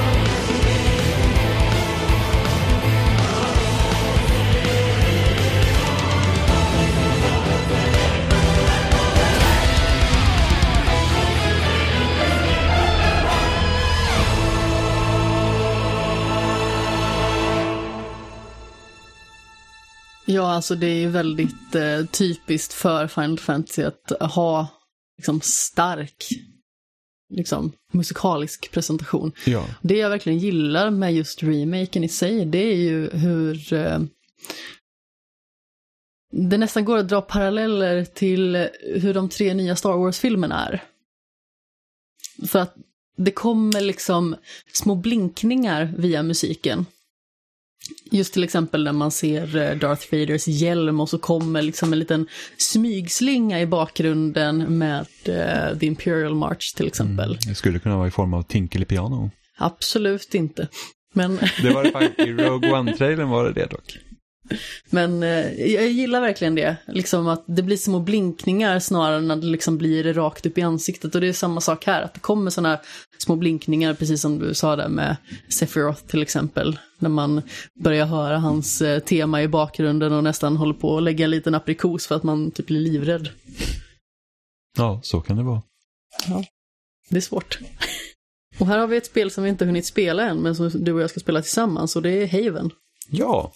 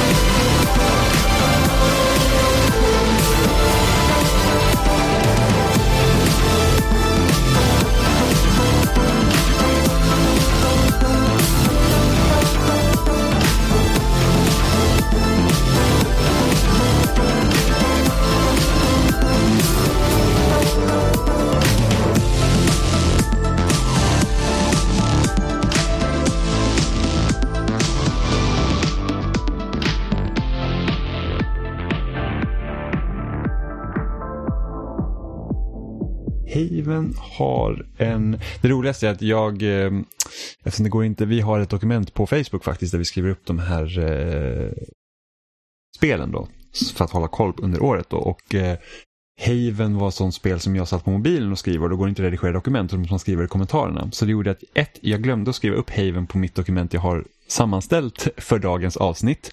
Och eh, sedan när jag även skulle skriva de här lapparna då, eh, som vi drar upp ur eh, hattlåda slash bunke, glömde även att skriva en Haven-lapp. För när jag satt och räknade sen lappen var det ett spel som fattades så det var bara med Haven. Eh, men Havens kompositör är Danger som jag också förmodar då är en, en eh, grupp. Inte ett bra porrnamn dock. Du tänkte också på det. Jag tänkte så här, Daniel Deluxe och Danger. Ja. ja, då hade det funkat bättre, porrduon. Japp. Eh, och eh, Haven är ju så här, när, när vi nu på samtalet om porr här så är det ganska kul för att Haven handlar ju faktiskt om två människor som är i en relation med varandra och som eh, gör stygga saker med varandra eh, under spelet också. Mhm. Eh, jajamän. Oj, Amanda blir genast väldigt mycket mer intresserad av att spela Haven. Va? Hon bara, mhm. Riktigt eh, så snusktantig lät jag inte. Alla hörde det. Och jag, och, och Haven är liksom, det, det, det är ett cellshaded spel, det liksom utspelar sig i en, en, en utomjordisk värld. Och, och, och- jag tänkte så att det kan nog ha bra musik det spelet, så när jag liksom kollade upp då vad det hade för musik för, inför det här avsnittet var så att det var inte alls vad jag hade förväntat mig att det här spelet skulle ha för musik. Jaså? Nej, jag tänkte mig att det kanske liksom var mer åt typ eh, Journey-hållet. Det här är liksom ett rakt av typ elektronisk Ja, popalbum. det är syntpoppigt. Thank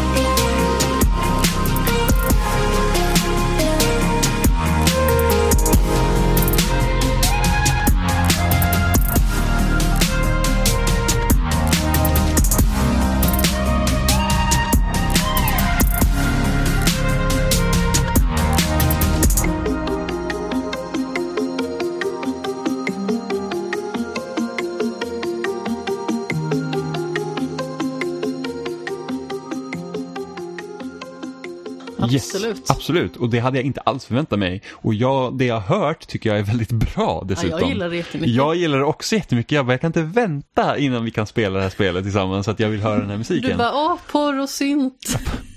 Porr och synt och spel. Vad mer kan man begära? Av Daniel Deluxe och Danger.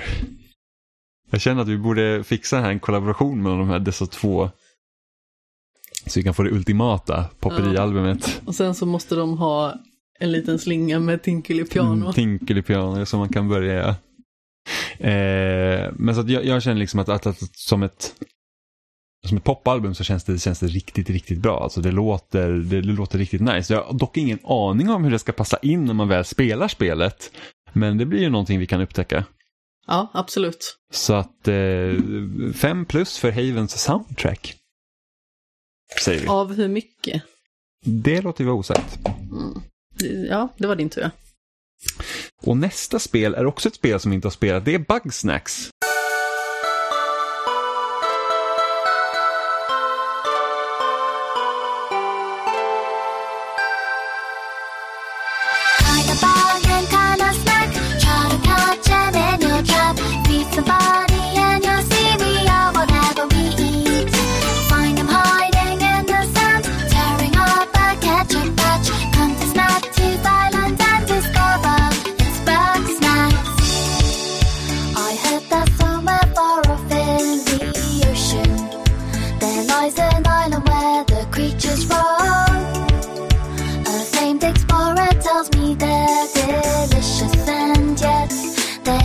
Hitherto unknown. You might think it sounds impossible till you've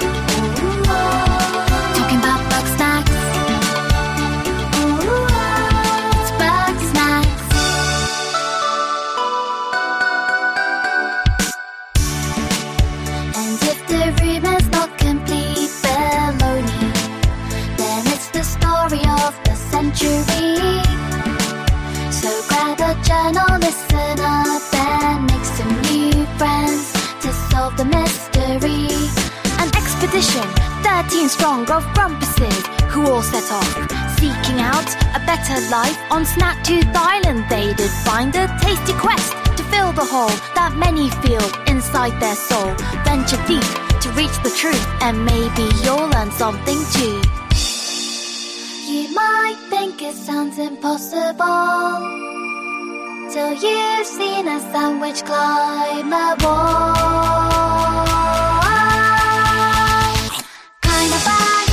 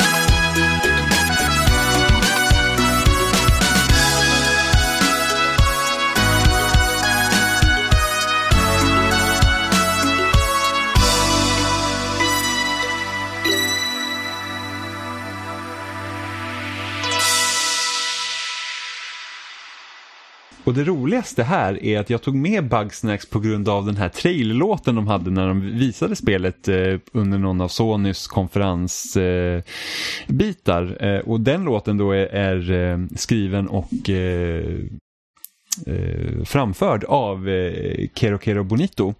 Eh, själva soundtracket till Bugsnacks är dock eh, komponerat av Seth Parker. Och, och som sagt, det här spelet var egentligen mer, mer, eh, mer jag ska säga allt. Mer, mer, mer. Okej, okej, okay, jag bara mer, mer. Eh, som sagt, det här, ehm, Mer, mer musik. det här spelet tog egentligen med lite som ett skämt på grund av att, att ah, men den här, mina sociala medier bara exploderade med den här låten när Bugsnax visades, alltså den här trailern kom. Eh, och sen när jag faktiskt satt och lyssnade på själva soundtracket, jag tänkte jag kan inte bara ta med den här låten, jag måste ju faktiskt höra om det är hur resten av musiken låter. Och den var jäkligt bra.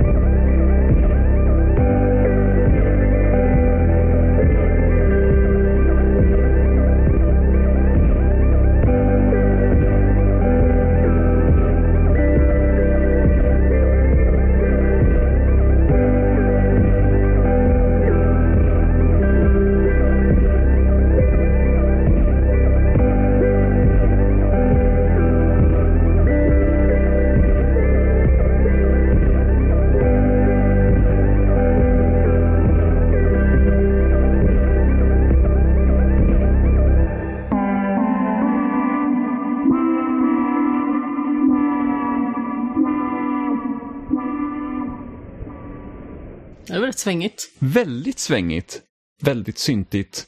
Syntiga ljud i skogen har jag skrivit. Ja men, men faktiskt, det är liksom verkar så här, nu har vi lite syntdisco mitt ute i bushen, typ. Eh, och, och jag blev. Och jag blev så himla förvånad för att jag hade ju absolut inte förväntat mig det. Jag tänkte så här, men liksom vad... Så här, jag vet att många har väldigt förkärlek typ för Rares spel. Okej, Donkey Kong Country-spelen har jättebra musik, men så kommer typ Banjo Kazooie och typ Viva Piñata och jag är så här att nej, alltså det låter lite som typ ÖBs 90-talsreklamer jag tänker mig att de låter, du vet de här tv-skärmarna man går in i. Man, liksom, liksom, man associerar det väldigt mycket till 90-talet och, och man så här, mm, tycker inte om, och det var lite det jag förväntade mig att Bugs, alltså typ Yooka-Laylee, Nu- jag håller på att spela Impossible Lair just nu så att jag har liksom Yooka-Laylee-musiken i, i hjärnan, men liksom, lite den här, typ tänk Yooka-Laylee-temat, det är ungefär så jag tänkte att, såklart så låter ett Bugsnack-spel, titta på hur det ser ut, det känns så. Men det har ju inte det. Det, det, det är liksom det här svängiga jäkla soundet, så nu, jag jag längtar tills jag kan få vandbana på en PS5 och så kan jag ladda ner Bugsnack så kan jag också spela det här spelet och lyssna på den här musiken. Eh, För det var väldigt, väldigt bra. Härliga tider. Ja, man eh, tycker ju det. Och eh, här kommer ett spel som jag har laddat ner men inte börjat spela, men som du har spelat och det är Gears Tactics.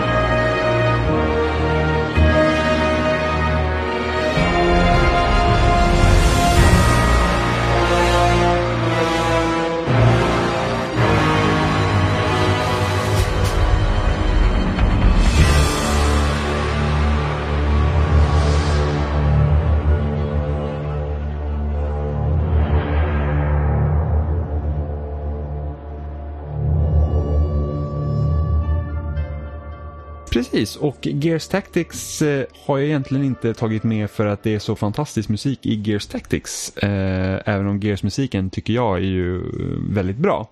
Utan det är mer eller mindre för att jag tycker det är så intressant att eh, den kompositören som de har valt för projektet har inte gjort inte riktigt, han är en eh, rätt så okänt namn i, i de här eh, svängarna och det är eh, Edward Patrick White. Och anledningen till att jag tog med Gears Tactics idag är för att första gången sen i princip första spelet så återgår soundtracket lite mer till sin eh, skräckaura. Ja, men det kan jag köpa. Och, och inte för att det, det är egentligen inte så förvånande med tanke på att spelet utspelar sig både innan första, alltså det utspelar sig innan första spelet och ganska kort efter E-Day. Eh, och första spelet är ju väldigt, väldigt skräckinspirerat. Att du liksom har skräckstråkar och, och allt sånt. Eh, och även det här spelet, man hör man på huvudtemat så hör man liksom hur skräckinspirerat det faktiskt är, vilket jag tyckte var väldigt kul. Eh, så det var till stor del därför jag tog eh, med det här spelet. Eh, och så får ni sitta och lyssna på den låten också så att ni får höra vad vi pratar om. Korrektum. Är det min tur att ta lapp nu? Det är det. Då tar jag lapp. Och nästa spel, för att fortsätta egentligen på skräcktemat så är det Demons Souls.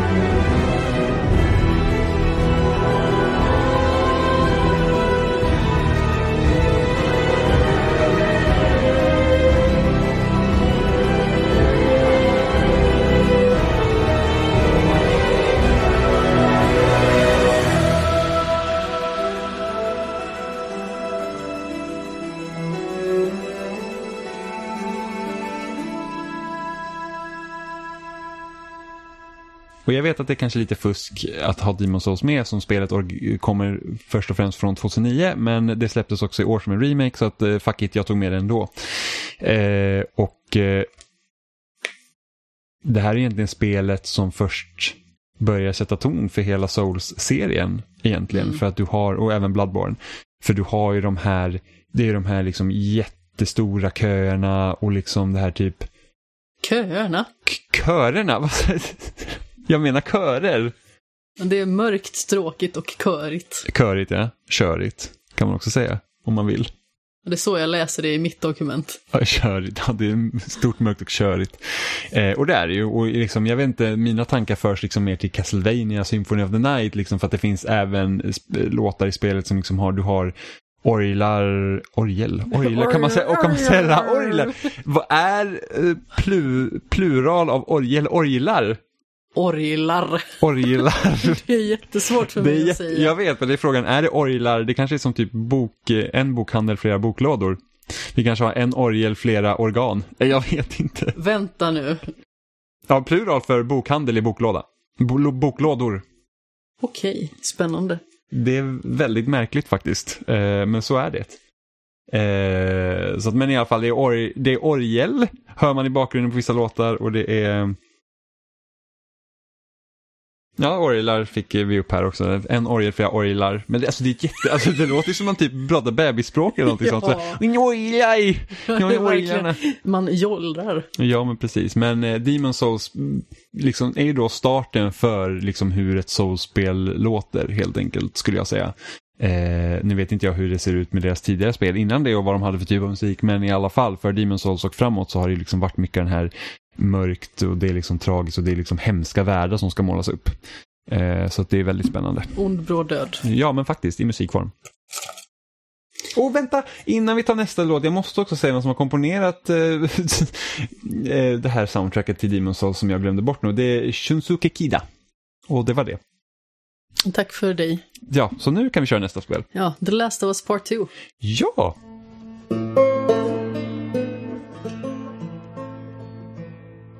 Música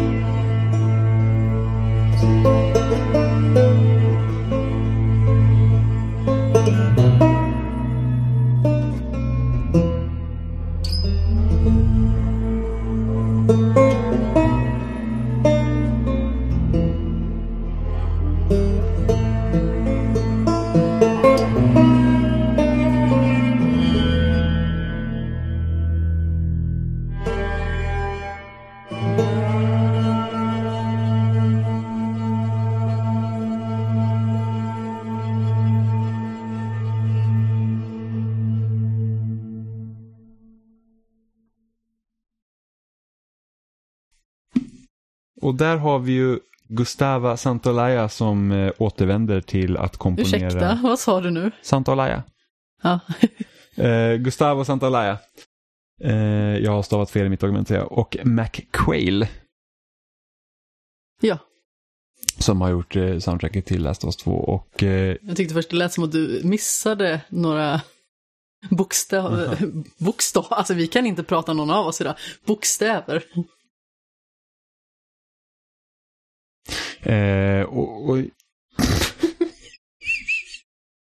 Alltså, det här eh, avsnittet ackompanjeras av eh, en knubbig katt som spinner och eh, Jimmy kastade just en mössa på honom. Som han inte riktigt visste vad han skulle ta sig till med. Eh, men alltså The Last of Us i allmänhet har ju ett väldigt säreget soundtrack. Ja, jag tycker dock det är så himla stor skillnad mellan första spelet och andra spelet. Eh, jag tycker i första spelet, där fick musiken verkligen ta plats. Jag tycker att den aldrig får riktigt göra det på samma sätt i Last of Us eh, 2. Och det beror mycket på, tror jag, hur det är tematiskt. Det är ett mycket mörkare spel. Eh, och jag tror att musiken reflekterar det. Det är mycket, mycket mörkare toner, det är mycket dovare. Det, du har det här, liksom, det här typiska Last of Us-temat som, som följde med liksom hela första spelet och var, var liksom väldigt tydligt. Finns inte riktigt i tvåan. Jag kan liksom, om, om någon säger The Last of Us, hur låter musiken där? Så kommer jag liksom direkt gå till eh, Eh, hur, hur huvudtemat låter. Men jag säger, men hur låter då Last of Us Part 2? Då blir jag så här, jag vet inte riktigt. För att jag kommer liksom inte riktigt ihåg det på det sättet. Utan det är mer stämningshöjande och liksom olika för att spelet handlar ju liksom mycket om sorg och då är det väldigt liksom dovt på grund av det.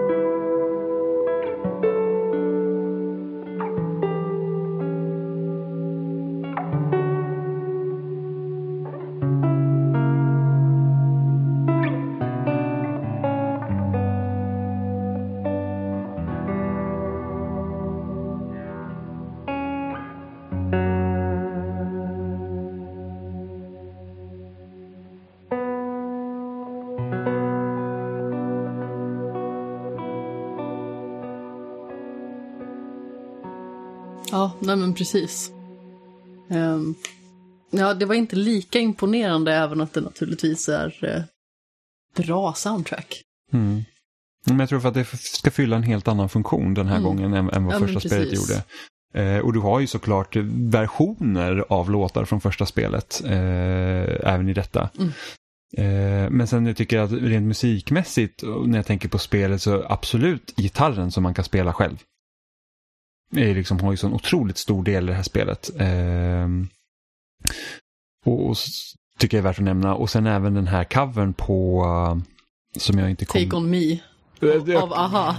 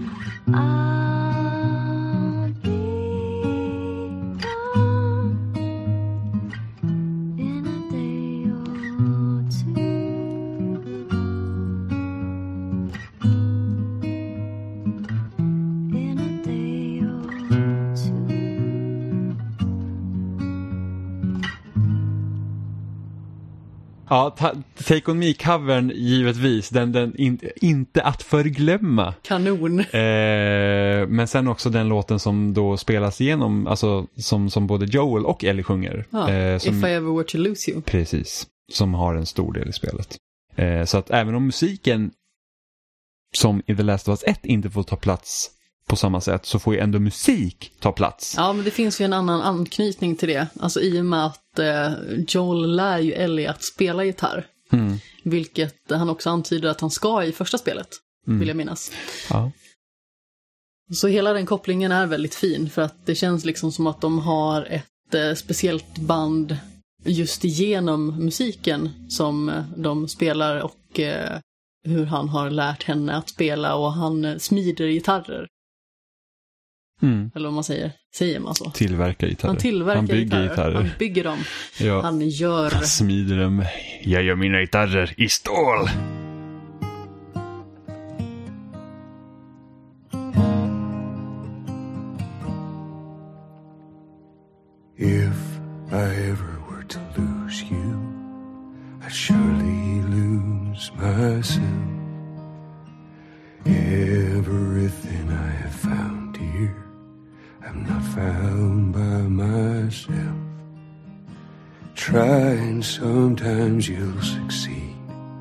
To make of me. All my stolen missing parts. I've no need for any more. Cause I believe, and I believe, cause I can see our future days, days of you and me.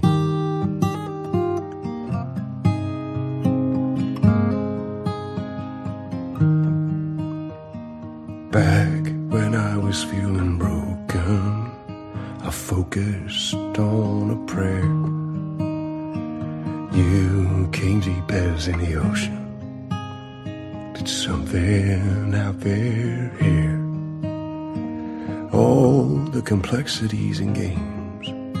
No one wins, but somehow they still play. All the missing crooked hearts. They may die, but in us they live on.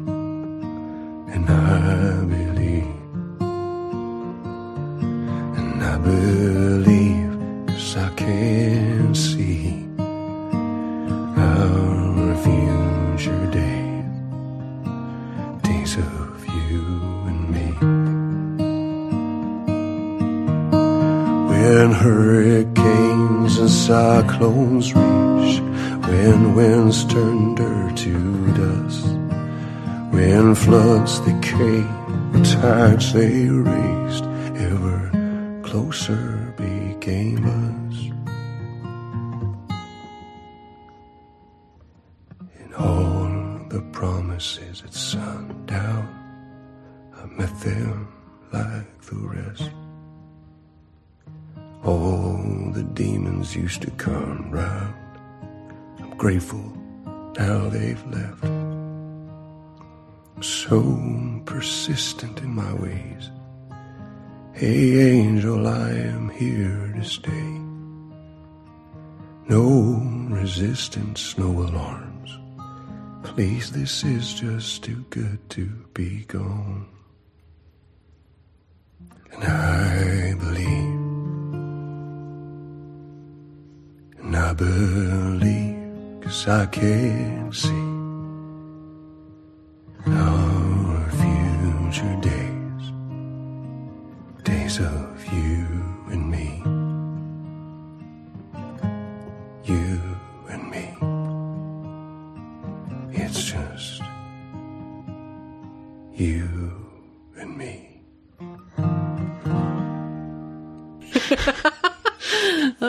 finns säkert det. Mm.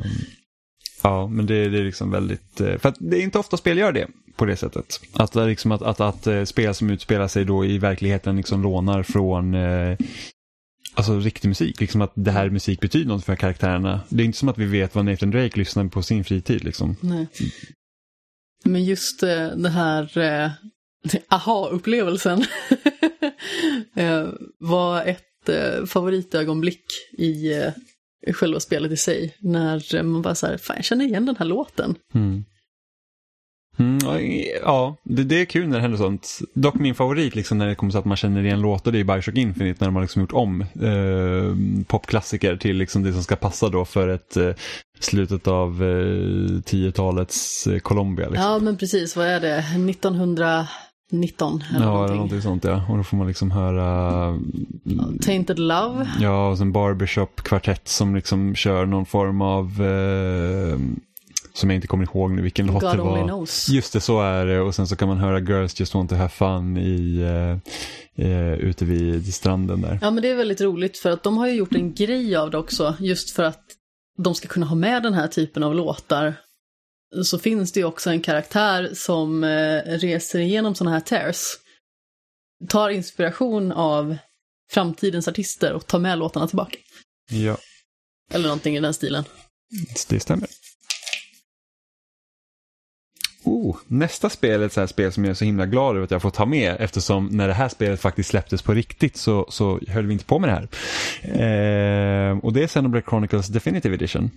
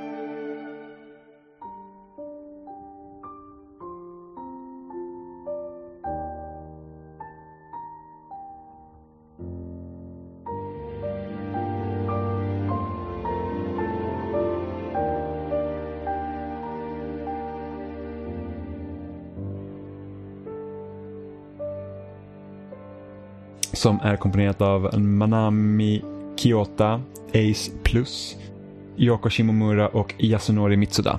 Eh, och jag är bara så himla glad över att jag kan vara med i Xenoblade för jag tycker att det här spelet har så himla vacker musik. Absolut. Eh, och speciellt, liksom, jag kommer ihåg när, eh, när eh, det inte var faktiskt bekräftat att spelet skulle komma hit till väst utan att det var enbart exklusivt för Japan. Sen så kom det till Europa och sen så fick de ju gå igenom en kampanj för att få det till USA efter det.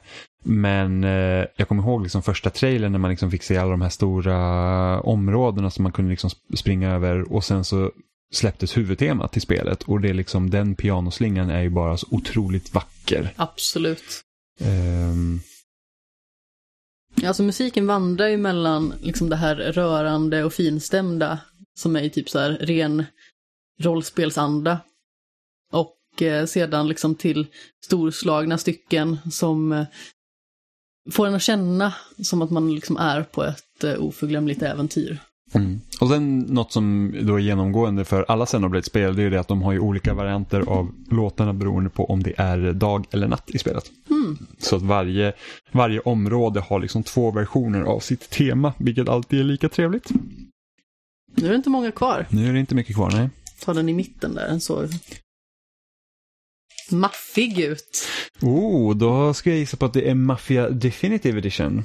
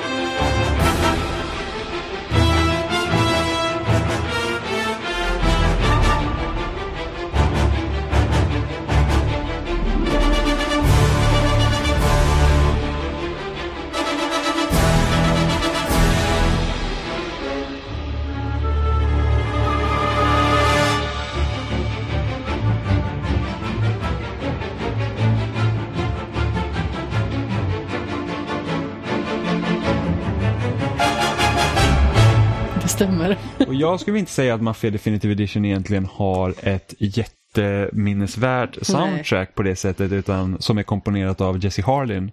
Utan att det jag tycker att Mafia-soundtracket gör så bra det är ju det att hela spelet överlag är liksom väldigt, alltså hur det ser ut, hur det låter är så taget från den här 30-talets maffian. Liksom att, att, att du, du lyssnar på soundtracket och du liksom hör vart det kommer ifrån. Man hör vart inspirationen kommer ifrån.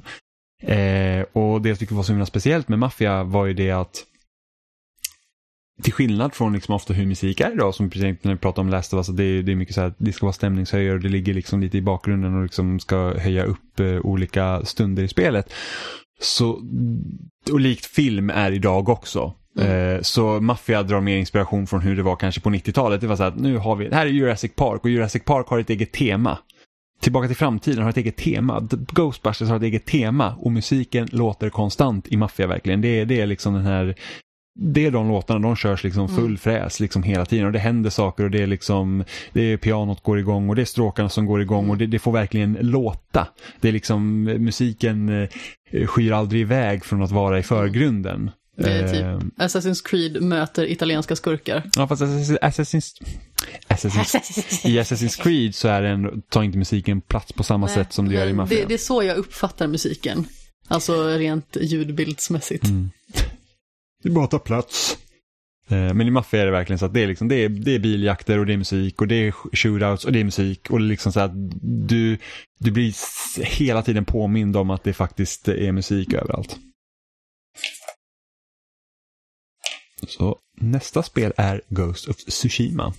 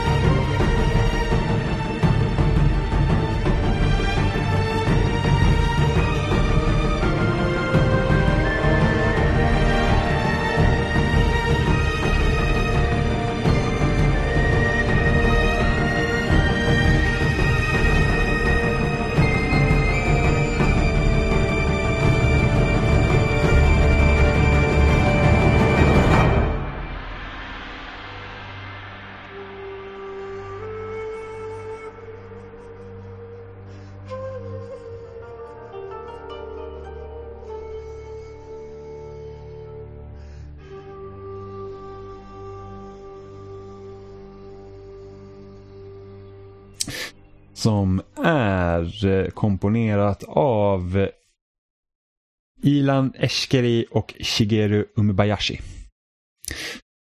Och när man pratar om Ghost of Tsushima så är det liksom det är omöjligt att inte liksom nämna redan till hur spelet ser ut vad det liksom tar inspiration ifrån. Och det genomsyrar ju verkligen soundtracket. Eh, så jag lyssnade på en annan podd tidigare där de sa, liksom, pratade om, om Ghost of Tsushima var ju det liksom att det enda arbetet de behöver, liksom att när du ser Ghost of Tsushima, du vet hur det ska låta, så ditt enda jobb är att inte förstöra det. Mm.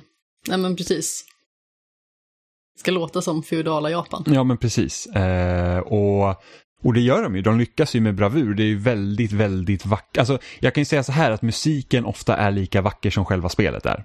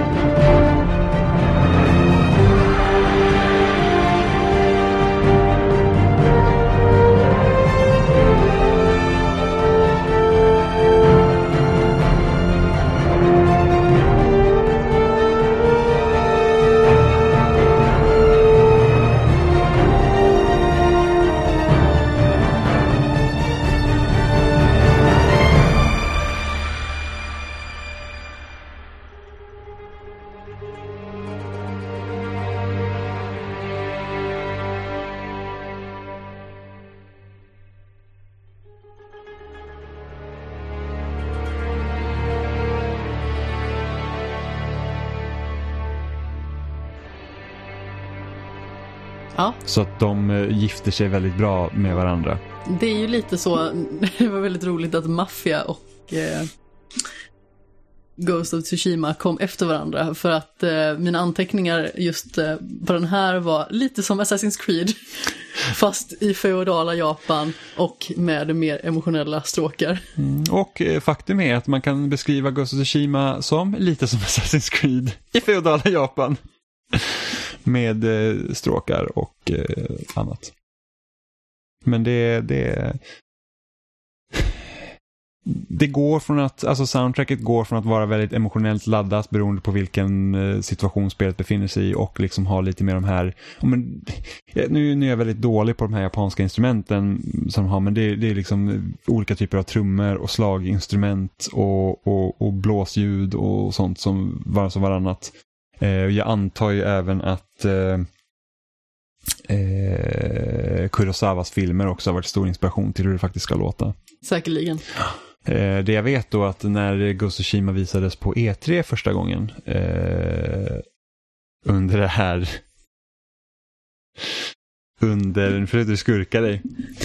Nej, jag skurkar mig inte. Jag såg nog vart handen smög någonstans mot eh, hattlådan slash burken. Det var tur att du i alla fall la till det. Ja, jag kände att jag behövde göra det. Eh, men när... eh, Efter, eh, vad är det? Daniel Deluxe. Ja, ja precis. Man, man vet ju aldrig vilka eh, idéer du får för dig. Eh, Ska du säga. Men eh, då det här Ghost of Shima, när det visades på E3, jag vet inte om det var första gången eller det var den här gången när de hade den här konstiga liksom, utställningen med både Last of Us, Ghost of Tsushima och Death Stranding och allt sådär när folk fick liksom vara inne i någon jävla lada. Då hade de, nej det måste ha varit året innan det. Då hade de ju faktiskt eh, jag skulle nästan gissa på att det är han eh, Ilan Esker, men jag kan inte säga säkert, som faktiskt var där och fick spela det här speciella japanska instrumentet. Som folk blev lite upprörda över för de, det var en typisk japansk grej som trodde att man whitewashar hela grejen och han är typ en av, en av de få utanför Japan som liksom eh, betraktas som en mästare på instrumentet. Ah, spännande. Eh, ja, väldigt spännande så att eh, det, det är liksom precis som de har gjort med resten av spelet så ligger en enorm, liksom, eh, ett enormt hantverk bakom att få liksom alla delar rätt helt enkelt. Mm. Nu kan du ta din Absolut. skurklapp. Ingenting skurklapp eh, som det står eh, The Pathless på.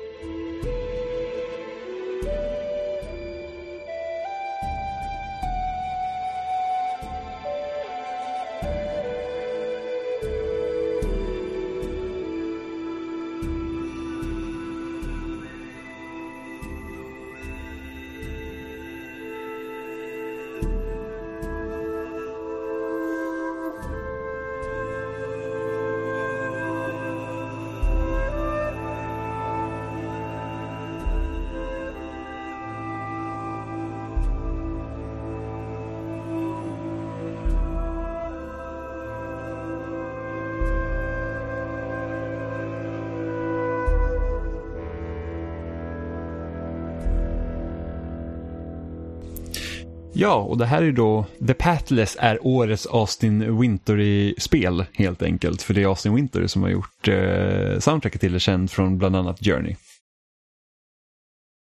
Och eh, det är ungefär vad man kan förvänta sig från honom. Eh, Jättebra. Ja men väldigt fint. Det är liksom, och för de som inte vet The Pathless då ska man liksom rensa ut, man ska försöka ha ihjäl en, någon som försöker bli gud över den här lilla öriket som, som finns här och har börjat ha ihjäl alla andra gudar på platsen. Eh, och då arbetar man sig upp på den här ön då som liksom har som olika skikt helt enkelt.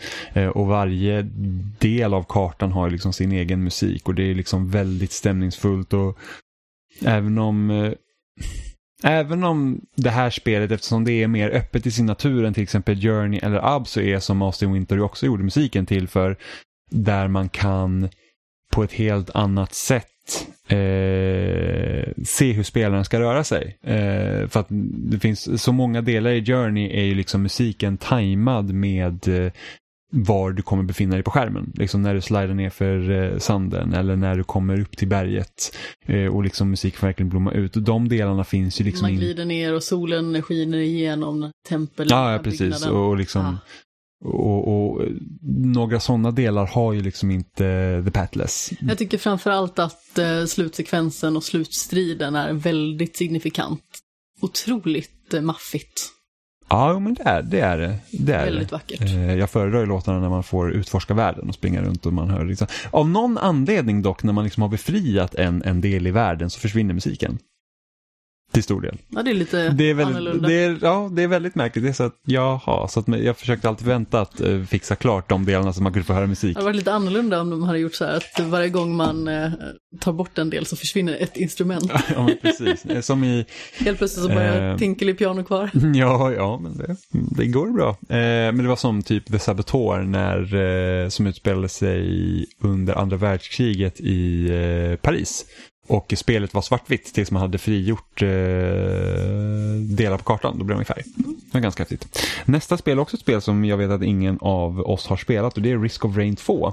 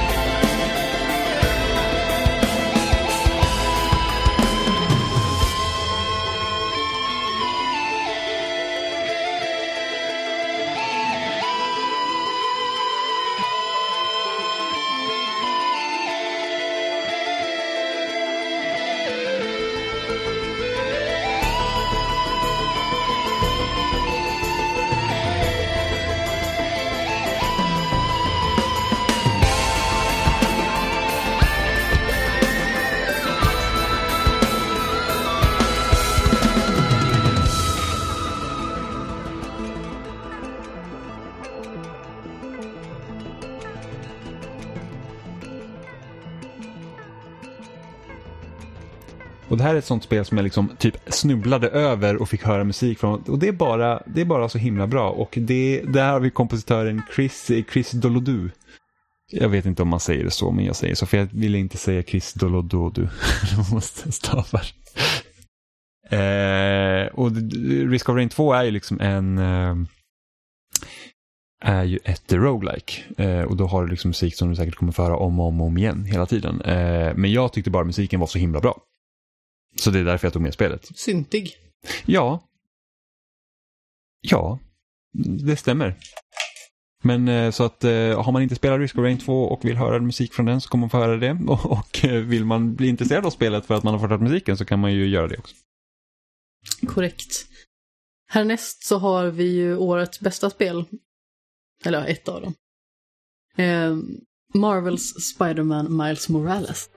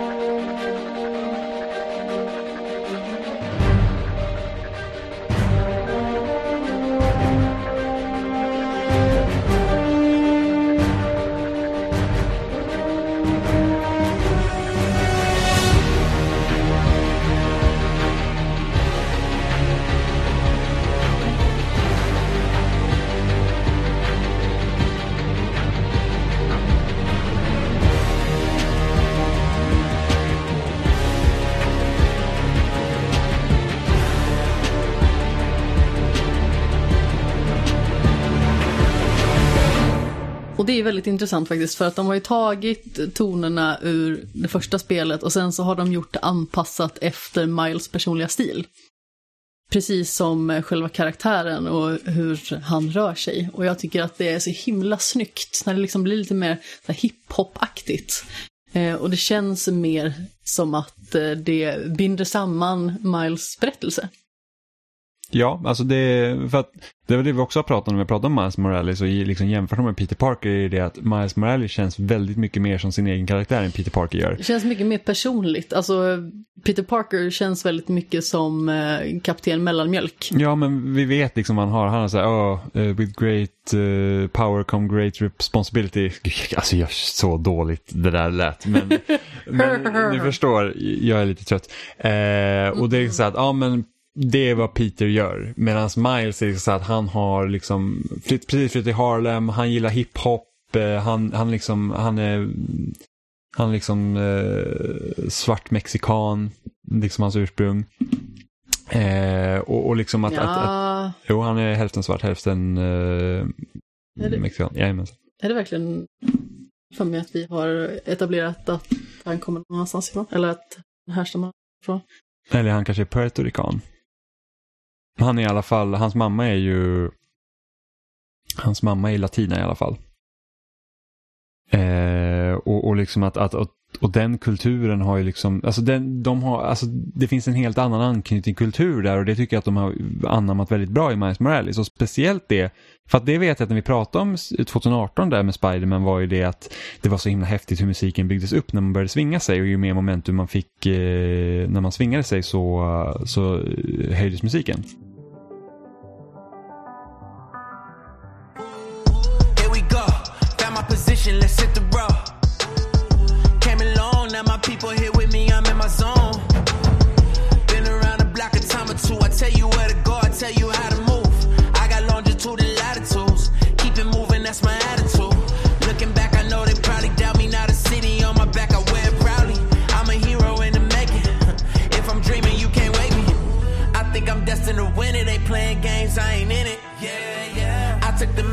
and it. Felt like I was born for this minute. This is my time. I'm seizing the moment cause I gotta go for the time's gone. Ain't scared of the dark cause I'm bringing the light with a nice long. I shine on. See it coming, I don't need a sign. Just the moment, I'ma make it mine. This is. My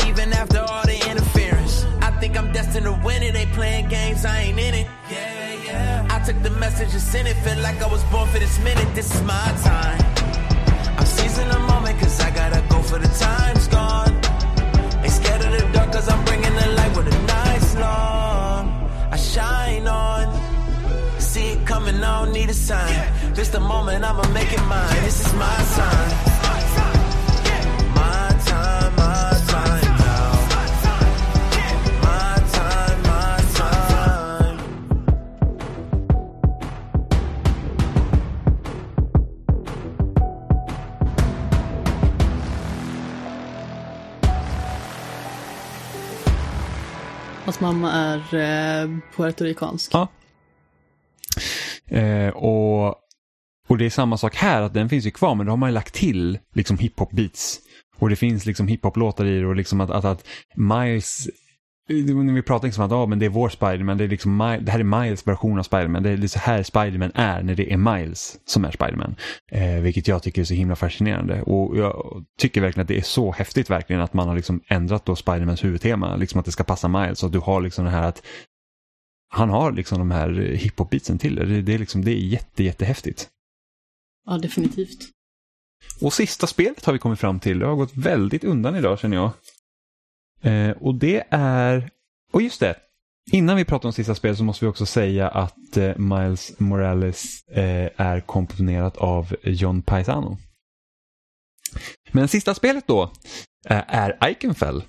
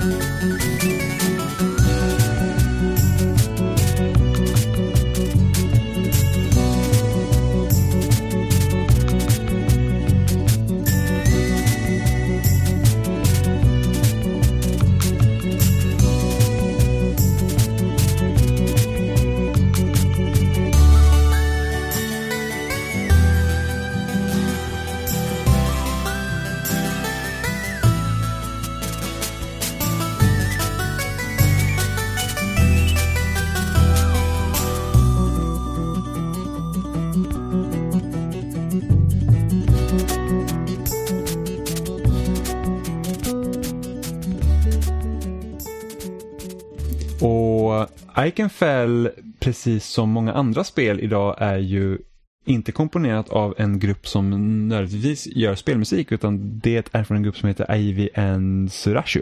Och de har gjort musiken till Steven Universe. Som jag tror att de är mest känd för. Eh, och Iconfell är ju då liksom ett, ett 2D-RPG i princip. Så man tänker liksom kanske att det ska vara någon form av eh, om en beatpop i princip. Det, är liksom, eh, det ska låta som det gjorde på NES och SNES-tiden. Det gör det till viss del, men det är Mm. väldigt mycket akustisk musik i det också. Ja. Vilket jag tycker, liksom att den blandningen mellan beatpop och eh, liksom riktiga eller icke-elektroniska instrument tycker jag låter liksom väldigt bra. Men jag tror det mest häftiga med soundtracket i Iconfell, det är ju faktiskt att de har ju också sånger i det.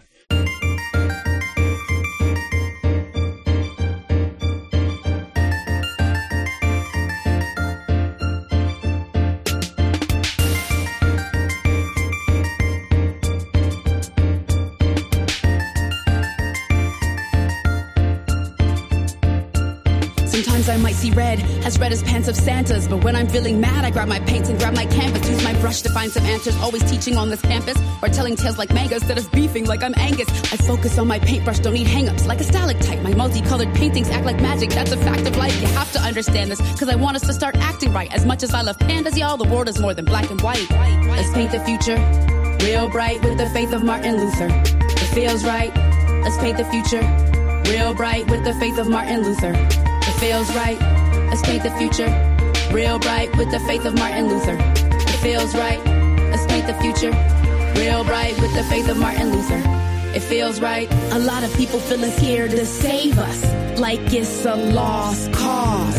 But I'm steady brushing off my haters, something like I'm Bob Ross. Go ahead, grab my hand, be patient, and you might live to tell everyone in future generations how we fought for it can fail. Sometimes I get the blues, the news gets me depressed. Then I think about the clues that we've amassed about the past, unlocking mysteries on mysteries that tell us simple facts. I love listening to history, it acts like little maps. Sometimes I'm feeling green with envy of a boy or girl or envy. Still, no other school than Ickenfell I'd rather be attending. Sometimes I am feeling yellow, scared to make a work of art. I'm destined for a medal, must be brave to get a purple heart. Let's paint the future real bright with the faith of Martin Luther. It feels right. Let's paint the future real bright with the faith of Martin Luther. It feels right. Let's paint the future real bright with the faith of Martin Luther. It feels right. Let's paint the future real bright with the faith of Martin Luther. It feels right. A lot of people feeling scared to save us, like it's a lost cause. But I'm steady brushing off my haters, something like I'm Bob Ross. Go ahead, grab my hand, be patient, and you might live to tell everyone in future generations how we fought for it can fail. Yeah,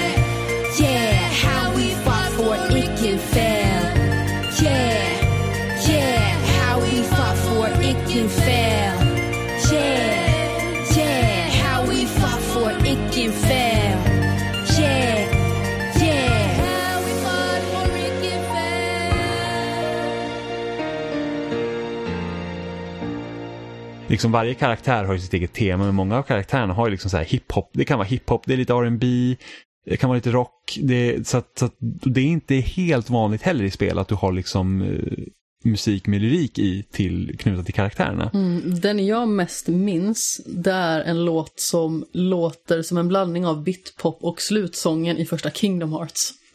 Jaså? Ja, nej men precis. Eh, den här eh, slutsången i Kingdom Hearts alltså som på japanska heter Hikari, men som eh, på engelska heter Simple and Clean. Mm. Kommer inte riktigt ihåg vad låten heter eh, i Iconfell. Det kan vara It's Showtime. Mm, mycket möjligt.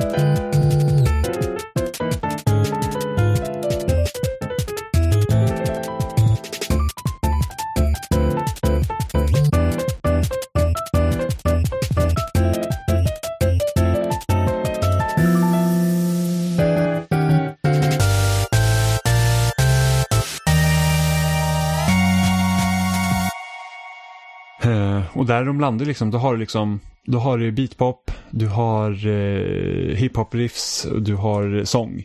Eh, och det gör så att eh, Iconfell får ett väldigt säreget sound. Och det är absolut inte det man förväntar sig från ett spel som är typ Harry Potter inspirerat med magiska skolor och häxor och trollkarlar som springer runt med eh, Mm, med liksom, och som är desto mer 2D har liksom den typen av musik. Det tyckte jag var helt fascinerande. Och sen är det liksom också här, precis som i Pep Mario, så finns det olika stridsteman beroende på vart man är i spelet. Även om det inte finns kanske en 20 stridsteman så finns det typ tre. Men eh, det, det byts också ut mellan varven och, och liksom du har allt från eh, tinkelipiano till akustiska gitarrer och det är Gillar att vi blandat. verkligen har etablerat Jajamän. att det numera är ett uttryck som finns. Eh, blandat med beatpop så att eh, det är faktiskt eh, det är ett riktigt, riktigt bra soundtrack. Det är en väldigt, väldigt glad överraskning att få spela det faktiskt. Eh, sen så tycker jag att man ska gå och spela Iconfell i alla fall. Eh, det är också ett av de få spelen där majoriteten av hela casten i spelet är kvinnor. Eh, för att ofta i RPG'n så du har ju liksom en, du har ju en stor ensemble av karaktärer och ofta brukar det vara ganska blandat men det är väldigt sällan man ser en, en sån stor ensemble ha i princip uteslutande kvinnor. Eh, vilket var väldigt kul. Eh, men det var alla spel vi hade för idag. Det var, vi var jäkligt effektiva. Vi brukar komma in på runt strax över två timmars sträcket när vi har spelat in utan att lägga in musiken. Eh, nu ligger vi på 1.40 så det är väl ganska bra. Nu var vi också bara två personer. Det stämmer att vi var. Och Nemo. Och Nemo. Ja. Han sa inte så mycket dock. Eh, så att tacka för den här gången. Eh, Väldigt kul att ni har fått lyssna på all bra musik som vi har presenterat för er. Eh, tack för alla rekommendationer vi fick under året där jag dumsnut inte skrev eh, upp vem eller vilka det var som hade faktiskt rekommenderat de här musikerna. Det ju olyckligt. Det är li- väldigt olyckligt faktiskt. Eh, Så är det när man blir rekommenderad saker på, via Discord och inte kan liksom spara meddelandet och inte skrev upp det när man såg det. Eh, Men tack till eh, de personerna i alla fall. Tack. Eh, vilket soundtrack tycker du har varit bäst i år? Så kan ni mejla in det till kontakt.spelsnack.com eller byta ut kontakt mot våra förnamn, spelsnack.com som Jim, Amanda, Johan eller Oliver så eh, får man det också. Eh, ni lyssnar på oss som vanligt via er favoritpodcast-app, Spotify, Apple Music eh, eller YouTube exempelvis. Vi finns också på sociala medier och där hittar ni länkar till dem på spelsnack.com som är vår hemsida. Ni kan också lyssna på spelsnack på loading.se där det också läggs upp var- varje vecka och där kan ni också kommentera i tråden som läggs upp.